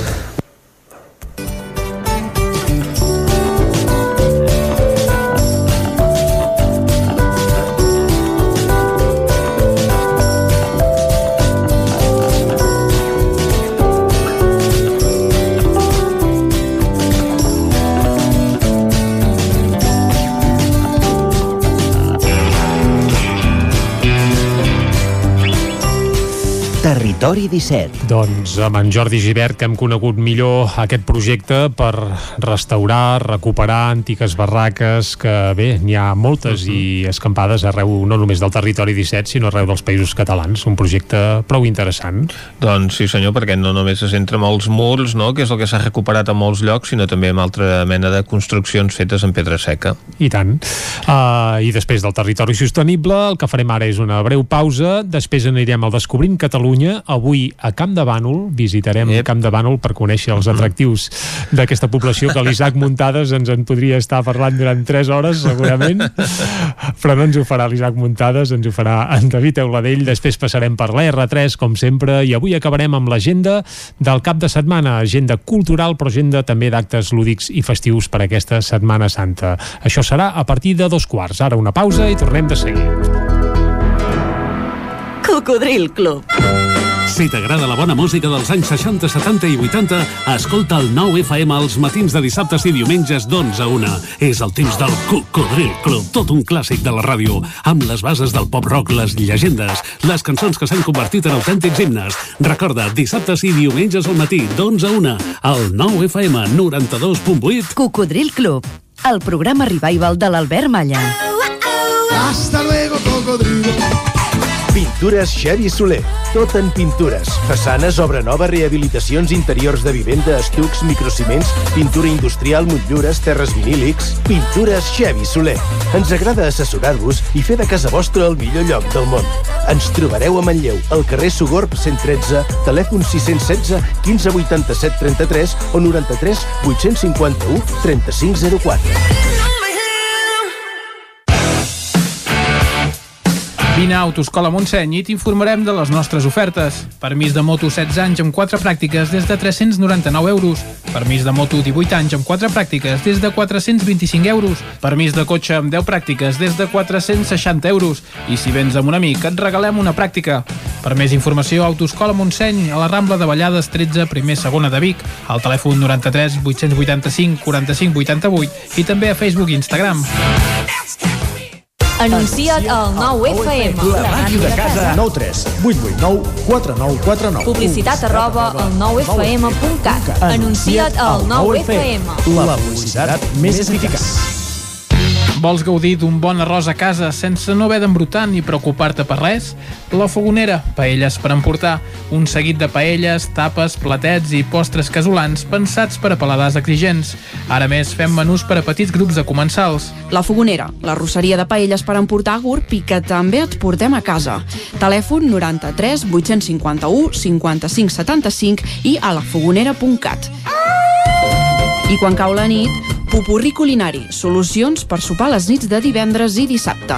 Entra a pupurriculinari.cat i tria. A Montse Estètic Vic celebrem dos anys. Tant si ets client nostre com si ens acabes de conèixer, gaudiràs de descomptes i promocions tot el mes de març. Aconsegueix un 2 per 1 en la depilació làser al portar un amic o amiga i enamora't gratuïtament de la presoteràpia mentre et fem un tractament facial. Cuida't més que mai. Ara amb el 20% de descompte en tots els productes. Vine a Montse Estètic i mima't. Ens trobaràs a l'Avinguda Pius 12, número 26 de Vic. Al telèfon 672 1704 23 i a la web montsestètic.com.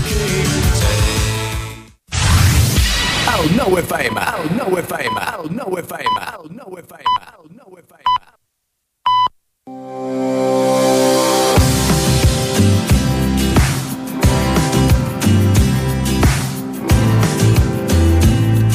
Avui pugem un altre cop a la comarca del Ripollès per conèixer Campdevànol, una població de poc més de 3.000 habitants. El municipi de Campdevànol es troba al subpirineu, en un espai de clima mediterrani de mitjana i alta muntanya en funció de la zona. El centre de la vila precisament és de mitjana muntanya, ja que es troba a la meitat sud de la comarca i una alçada menor que altres municipis de la comarca. L'espai Campdevànol ofereix un magnífic escenari per la pràctica de l'esport a la muntanya, envoltat de muntanyes que superen els 2.000 metres i partint sempre dels 720 metres d'alçada de la població població, descobrint precioses rutes per caminar, córrer, fer bici de ruta o BTT, inclús fer escalada oferint a l'amant de la muntanya i la natura opcions adaptades a tots els nivells, des del nivell més exigent al nivell més bàsic, per anar-hi sol acompanyat o en família.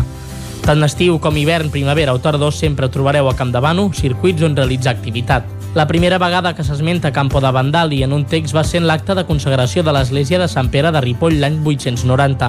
En aquest acte es feia esment del fet que una de les dotacions per a la consagració de Sant Pere era l'alou de Campo de Vandalí, donat pels consorts Guifré i Guinaguilda. Sant Llorenç de Campdevànol és una obra del municipi de Campdevànol inclosa en l'inventari del Patrimoni Arquitectònic de Catalunya. La parròquia de Sant Llorenç, independent ja al 1075, es troba a l'esquerra del Mardàs, prop de la carretera de Gombrèn. De la primitiva església resta sencer el campanar, ornat d'arcuacions cegues i lesenes als pisos superiors. La torre sembla que va ser escapçada o potser inacabada i ha estat coberta per una taulada a doble vessant. Al primer pis hi ha una finestra d'obertura senzilla, les altres dues estan aparedades. Al segon pis hi ha quatre finestres, una a cada cara de la torre, dues d'elles també aparedades. Sant Pere de Huira és una ermita romànica del municipi de Campdevànol, a la comarca del Ripollès, situada a la dreta del Freser en un cim de més de 1.100 metres d'altitud. Ofereix una panoràmica excepcional sobre tota la comarca, amb unes vistes que arriben fins al Pedraforca. És una obra inclosa en l'Inventari del Patrimoni Arquitectònic de Catalunya. És una construcció d'una sola nau amb absis semicircular a llevant, ampliada al segle XVII amb dues capelles de planta rectangular al costat i costat de la nau, que donen l'aparença de planta de creu llatina. S'il·lumina per dues finestres de doble esqueixada a l'absis i al mur de migjorn i dues espitelles a les capelles. La portalada a migjorn és d'arc de mig punt. El campanar d'espadanya de dues obertures s'alça sobre la nau en la intersecció amb les capelles.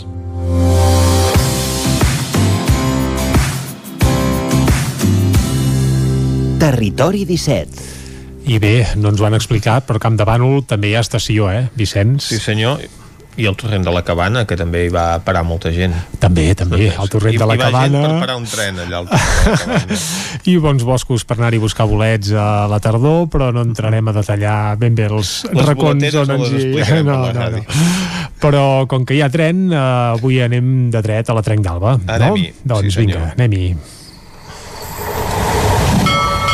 A Trenc d'Alba, edició pandèmia. Ara sense els usuaris que ens explicaven les seves desgràcies a la R3, però amb els mateixos retards i problemes de sempre. Benvinguts a Tren d'Alba. Doncs bones notícies, no per l'R3, evidentment, sinó pel primer tren d'alta velocitat low cost amb passatgers que ja arriba a l'estació de Sants després que fa una setmana comencessin els primers viatges de prova, ja que el nou servei Barcelona-Madrid s'activarà oficialment el 23 de juny d'aquest any. L'Ablo, comercialitzat per Renfe, havia d'entrar en funcionament l'abril del 2020, però l'arribada de la pandèmia del coronavirus ho va fer saltar tot pels aires. Perquè sigui rendible, des de Renfe calculen que l'ocupació d'aquests trens ha de ser d'almenys el 80% un cop comenci a operar. Així ho va dir el director de serveis nous d'alta velocitat de Renfe, Fèlix Martín, durant el primer viatge de proves. Des de Renfe ja han informat que l'AVE Low Cost ha venut més de 200.000 bitllets des del mes de gener, una xifra molt important i que agafa més volada quan, de fet, els primers 100.000 bitllets es van vendre en menys de 24 hores quan van estar disponibles. Va, demà us acabaré d'explicar tots els detalls de l'Ablo. Ens retrobem demà amb més històries del tren i de la R3. Territori 17. Doncs l'Isaac Muntades que ha hagut d'anar a parlar d'aquest AVE, d'aquest TGV low cost per trobar bones notícies ferroviàries perquè la R3 eh, tot va pel pedregar, eh? No, no són les úniques bones notícies en alta velocitat perquè també doncs, oferirà un servei low cost Oi- Oigo, una nova companyia dels ferrocarrils francesos que és la que oferirà aquest servei també de low cost entre Barcelona i Madrid. Doncs si hi ha competència poder farà que algú espavili aviam si algun dia també veiem competència a la R3 i potser tot plegat es començaria a solucionar, Ah, però bé Exacte, amb trens francesos aniria prou bé, però hi ha un problema, que és l'ample de via. mm. Ah, bé ah, L'ample de via ibèric no té res a veure amb l'internacional que s'utilitza a França. Uh, fet aquest apunt ferroviari, Vicenç, el que ens toca avui a la part final de Territori 17 és repassar l'agenda per aquest cap de setmana. Habitualment els dimecres fem l'agenda cultural d'activitats, concerts en teatres, auditoris, etc. Però avui també hi calçarem una mica d'activitat popular perquè és cap de setmana de Pasqua, de caramelles, de rifes de Pasqua, del que faci falta. Per tant, hi posarem una mica de tot perquè aquesta serà l'agenda del cap de setmana aquí a Territori 17. I l'agenda sempre la fem anant a tots els territoris on s'escolta el programa i avui per on arrencarem, Vicenç? Anirem cap a Cardedeu, on ens espera l'Òscar Muñoz. Bon dia, Òscar. Bon dia. Ja sabem que s'han eh, suspès a Cardedeu algunes activitats religioses. Eh, anem a veure, sí. doncs, si també hi ha altres activitats que no es poden celebrar de les que estaven, doncs, eh, tradicionalment previstes o si podem fer alguna activitat cultural de lleure religiosa o del caire que sigui durant aquests propers dies de festa de la Setmana Santa. Òscar, què doncs tenim? sí, doncs a la zona no tenim gran cosa. Uh -huh. hem, hem estat buscant i no tenim gran cosa, però sí que hem trobat eh, per diumenge a dos quarts d'onze del matí eh, tenim la ruta Raspall modernisme d'estiueig a Caradeu uh -huh. i res, un itinerari guiat on podem gaudir de l'arquitectura del Manel Raspall, arquitecte modernista de diversos municipis de la comarca, on aquí a Caradeu va deixar eh, petjada i doncs amb unes petites escenes teatrals al llarg de recorregut ens posaran en context i això, començarà, eh, la trobada serà al Museu Arxiu eh, Tomàs Balvell i cal fer una petita reserva eh, prèvia doncs, per dir que vas amb un preu general de 7 euros o eh, 5 euros si l'entrada és reduïda. Uh -huh. Aquesta ruta es, farà, el, es fa el primer diumenge de, del mes de març fins al, al mes de juny. O sigui, I cada això, primer doncs, diumenge de mes. Ah, exacte. Uh -huh. de, des del mes de març fins al juny, o sigui, tampoc uh -huh. són molts... No. no són moltes, però... Però bé, hi ha, hi ha Això. doncs, força oportunitats per anar a seguir aquesta ruta tan interessant. Ah, correcte. I doncs ara de Cardedeu ens anem a Granollers, eh, on comencem amb divendres, tenim el Mercat del Disc a la plaça Lluís Perpinyà, que doncs, seguirà fins dissabte al matí. I també temi, tenim el Mercat d'Artesans a la plaça de la Corona. Mm -hmm. I per acabar dissabte, a les 8 del vespre, al Teatre Auditori de Granollers, tenim la comèdia Gossos, protagonitzada per la Mercè Arànega, en la qual doncs, eh, és una família que desenterra durant un apat secrets i records enterrats del passat. Tot això passarà dins so, bueno, sobre d'una taula a l'escenari i doncs, això serà al Teatre Auditori de Granollers on podem trobar les entrades des de 12 euros. En aquest espectacle sí que tenim entrades i no han quedat exaurides com ens passava altres setmanes. Exacte. Mm -hmm. Doncs bé, encara queden dies eh, de fet i la gent es pot eh, anar decidint a veure què fa amb aquestes festes si el temps acompanya. Exacte. Molt bé, doncs... I fins aquí seria el repàs sí, cultural una miqueta eh, uh -huh. ha faltat ha faltat acti- activitats a la zona aquesta però això, eh, aquesta setmana doncs, com la gent està fent altres activitats de lleure doncs eh, prefereixen no fer-les i doncs agafar embranzida per al mes d'abril amb activitats prèvies a Sant Jordi i doncs també de Sant Jordi. Exacte, eh, aquest cap de setmana doncs, eh, molts dels eh, teatres i auditoris doncs, no programen activitats com més habitual a motiu d'aquestes festes, però també són unes festes on hi ha aquestes activitats tradicionals que aquest any i per segon any consecutiu a conseqüència de la pandèmia que estem vivint doncs algunes d'aquestes eh, tradicions centenàries malauradament no es podran eh, dur a terme. Moltes gràcies, Òscar. Nosaltres ara anem cap a un altre racó del Vallès Oriental. Anem a una codinenca amb la Caral Campàs. Bon dia, Caral. Hola, bon dia. Tenim activitats per aquests propers dies? Sí, mireu, alguna cosa hi ha. Aquí a Sant Feliu de Codines, avui, avui mateix, a la dos quarts de sis de la tarda, uh -huh. a la Biblioteca Municipal, la Biblioteca Joan Petit i Aguilar organitza uh -huh. doncs, una nova edició de l'Hora del Conte pels més petits uh -huh. i en aquest cas es el compte porta per nom gallines, conills, mones i ous de Pasqua, com, com bé eh, com està toca, relacionat no? amb aquest... Uh -huh. Exacte, com toca, com uh -huh. toca.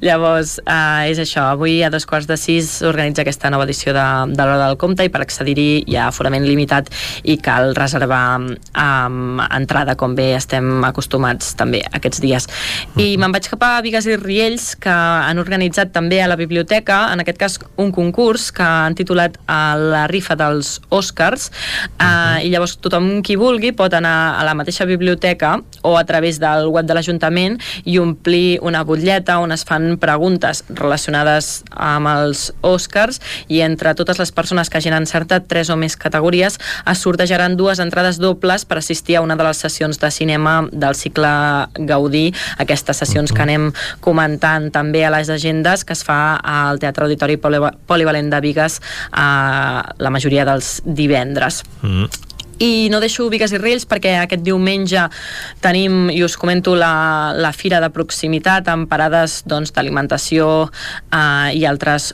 productes, això serà com deia diumenge de 10 a 2 a la plaça de Riells del Fai i acabo amb el Moianès, eh, comentant que el Parc Prehistòric de les Coves del Toll de Moià està obert aquests dies.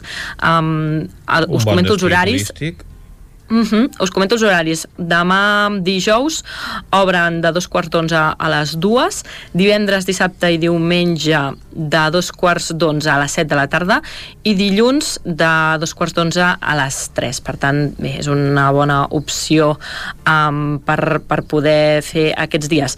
Llavors me'n vaig cap a Castellterçol Uh -huh. I com bé comentaves abans, doncs, aquestes tradicions que potser algunes uh, no, no es poden fer, doncs bé, a Castellterçol fan el ball de la Moixiganga, uh -huh. uh, que es representa dis dissabte sant al vespre, just, just abans de la vetlla pasqual, a la, a la plaça Vella, que queda doncs, només il·luminada per les per torxes i espelmes que porta al públic, i llavors hi ha uns balladors que, que fan diversos passos i exercicis acrobàtics, hi ha un narrador que explica explicar en quin moment de la Passió de Crist correspon cadascuna de les figures de, de dansa. Llavors, um, a Castellterçol uh, sí que es durà a terme la, la Moixiganga uh, aquest dissabte sant uh, de dos quarts de vuit a dos quarts de deu a la plaça Vella doncs, amb les mesures de seguretat sanitàries corresponents. Uh mhm. -huh. I acabo comentant-vos també un altre tema de, del Moianès. En aquest cas a Castellcí tenim la Fira Agronatura.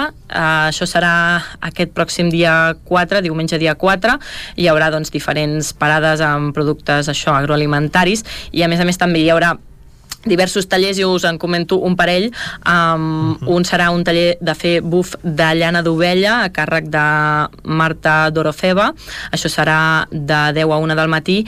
I també hi ha un altre taller per exemple de cistelleria amb la cistellera Alba Sors que serà a dos quarts de 12 del matí uh -huh. Doncs eh, el Moianès, la, la veritat és que han aconseguit doncs, mm. poder mantenir una d'aquestes tradicions eh, pròpies uh -huh. de Setmana Santa, que a molts pobles doncs, això no ha pogut eh, ser, no ha pogut ser possible. Uh -huh. I, Caral, no sé si has fet tu ja la travessa dels Oscars. Doncs no l'he fet, però uh, he entrat al link i he vist les preguntes i bé, no, no en tenia clares de gaire, he pensat, ja, ja ho faré més tard, però, però sí, tinc la intenció de, de participar-hi. Queden dies encara per la celebració mm. de la gala dels Oscars.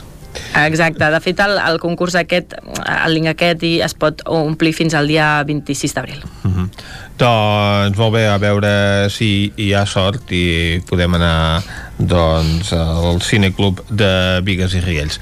Moltes gràcies, Caralt. Ara A vosaltres. nosaltres anem cap al Ripollès. Allà ens espera l'Isaac Muntades. Bon dia, Isaac. Bon dia. Bon dia, bon dia. que és de Camp de Bànol, eh? Ah, I avui deu exacte. estar d'enhorabona, perquè el Descobrint Catalunya ha passat per casa Sí. seva, eh? Sí, sí, ha passat eh, per allà mateix, eh? Deu, quasi bé per davant de casa meva i tot. Si s'han descuidat de dir que, que hi ets tu, a Camp de Bànol també. Que... Exacte. Com a principal atractiu turístic. Exacte. No us deixaré pas entrar, eh, per això. Vull dir, haureu de mirar-ho des de fora, eh? En tot cas, la meva casa, però bueno.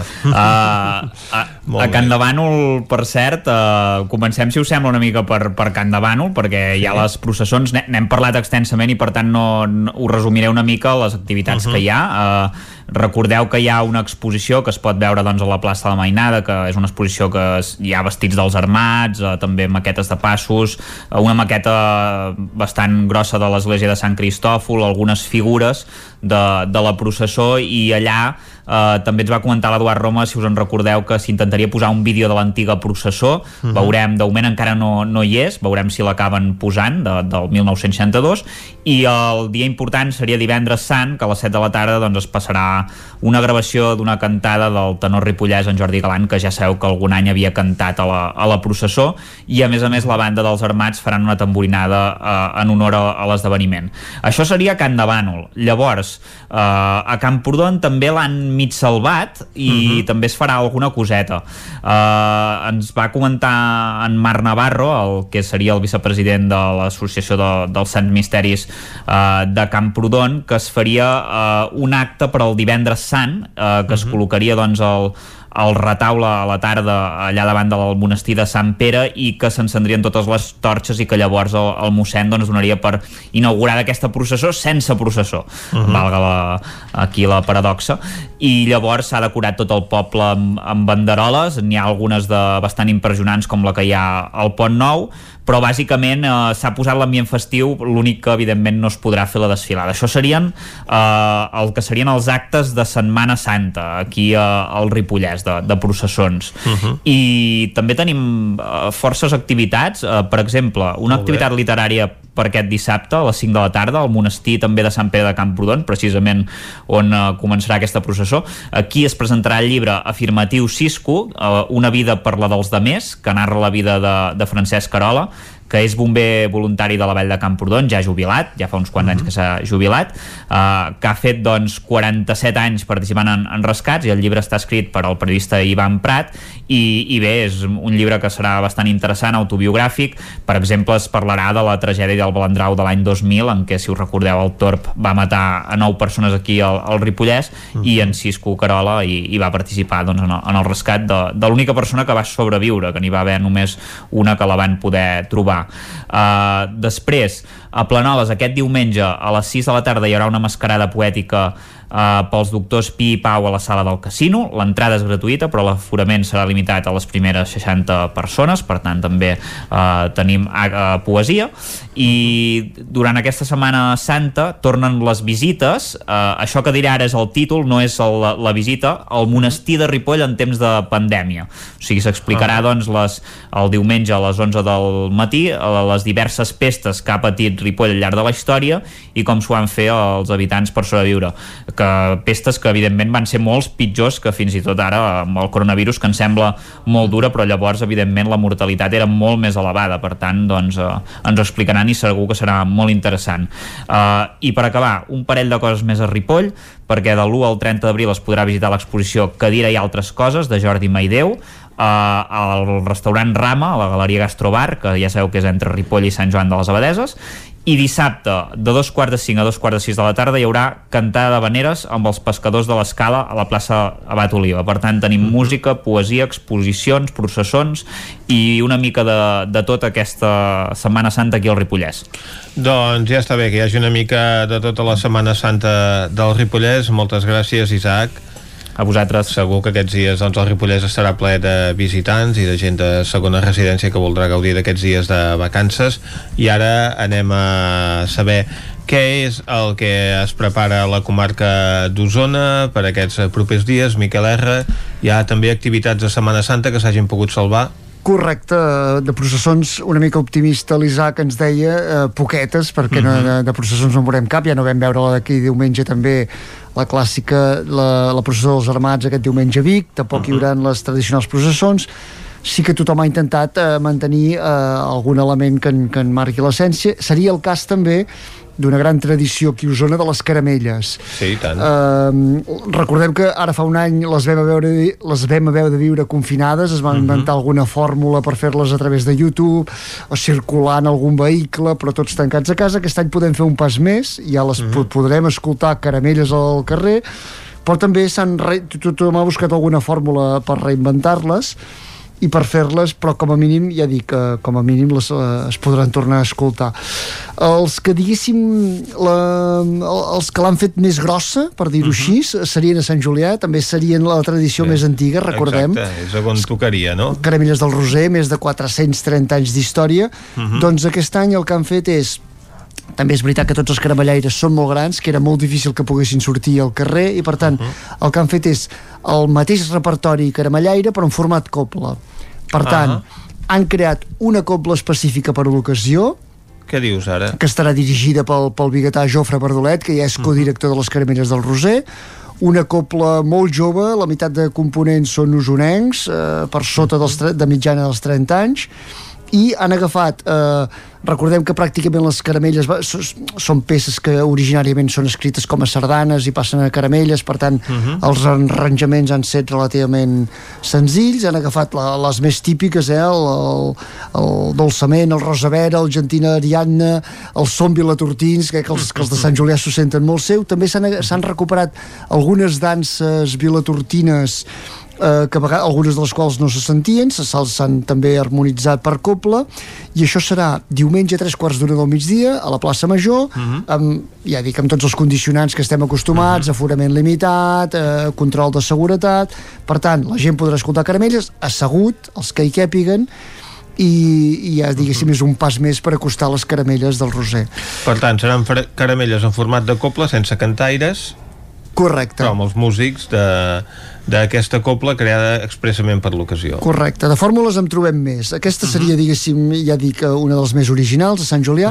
A Vic han, han muntat una, una cantada de caramelles, el diumenge també és com és clàssic, eh? Exacte. el diumenge a les 12 del migdia, però en aquest cas, en lloc de pujar a dalt d'un escenari i cantar els músics, eh, solen ser la Coral Xicalla i els eixerits de Gurb, en aquest cas, en vez de fer-ho aquest format, han muntat el que en diuen també una cantada participativa.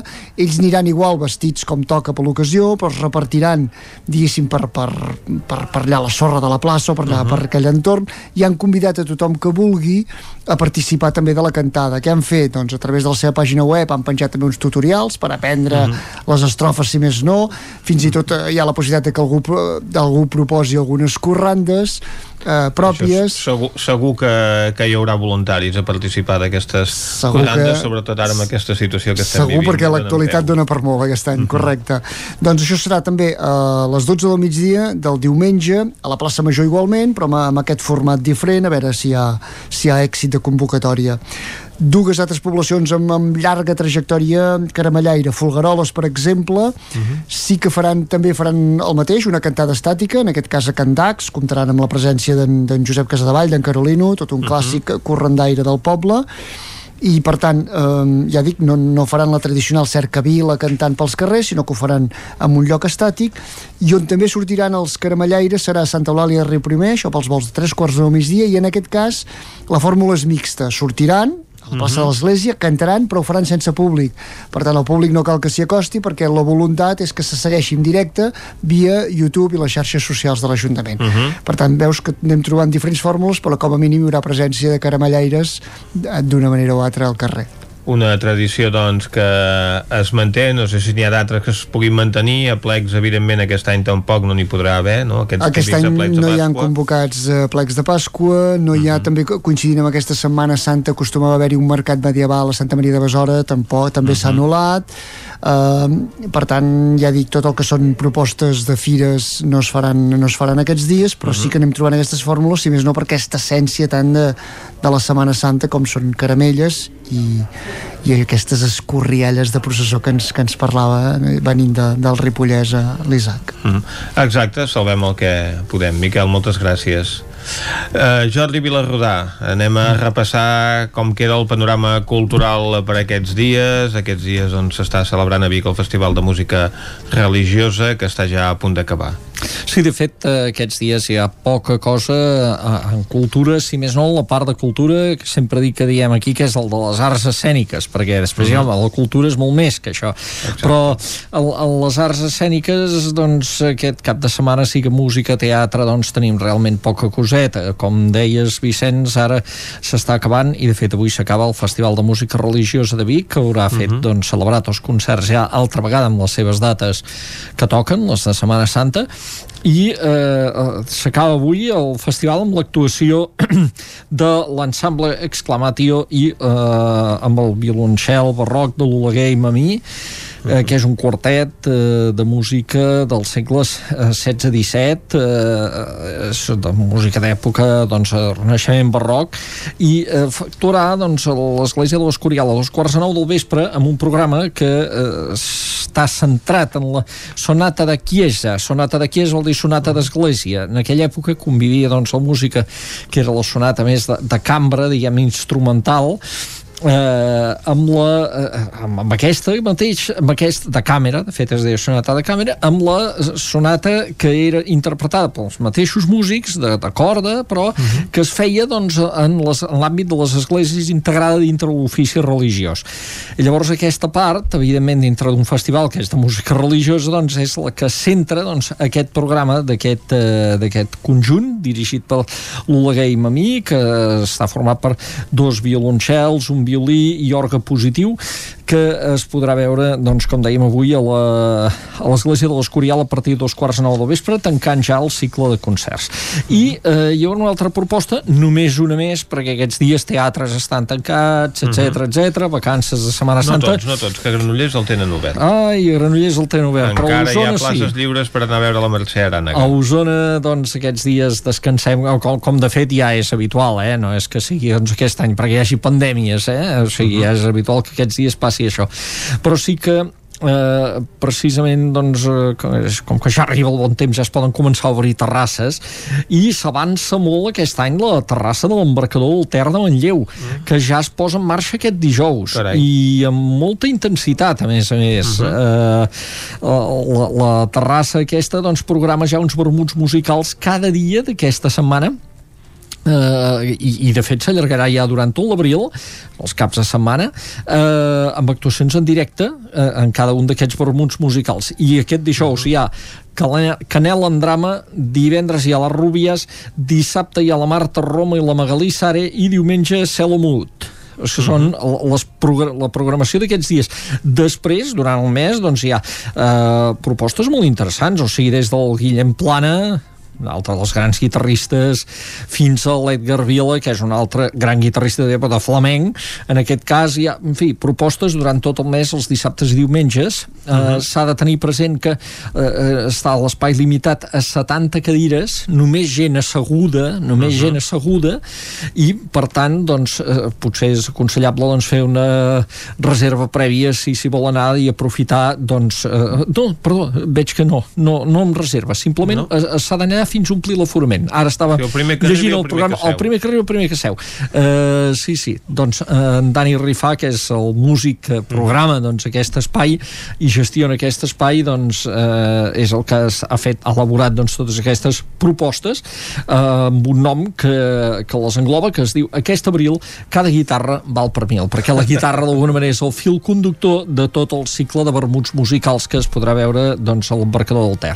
Molt bé, doncs amb aquests vermuts acabem a l'hora del vermut al territori 17 d'avui.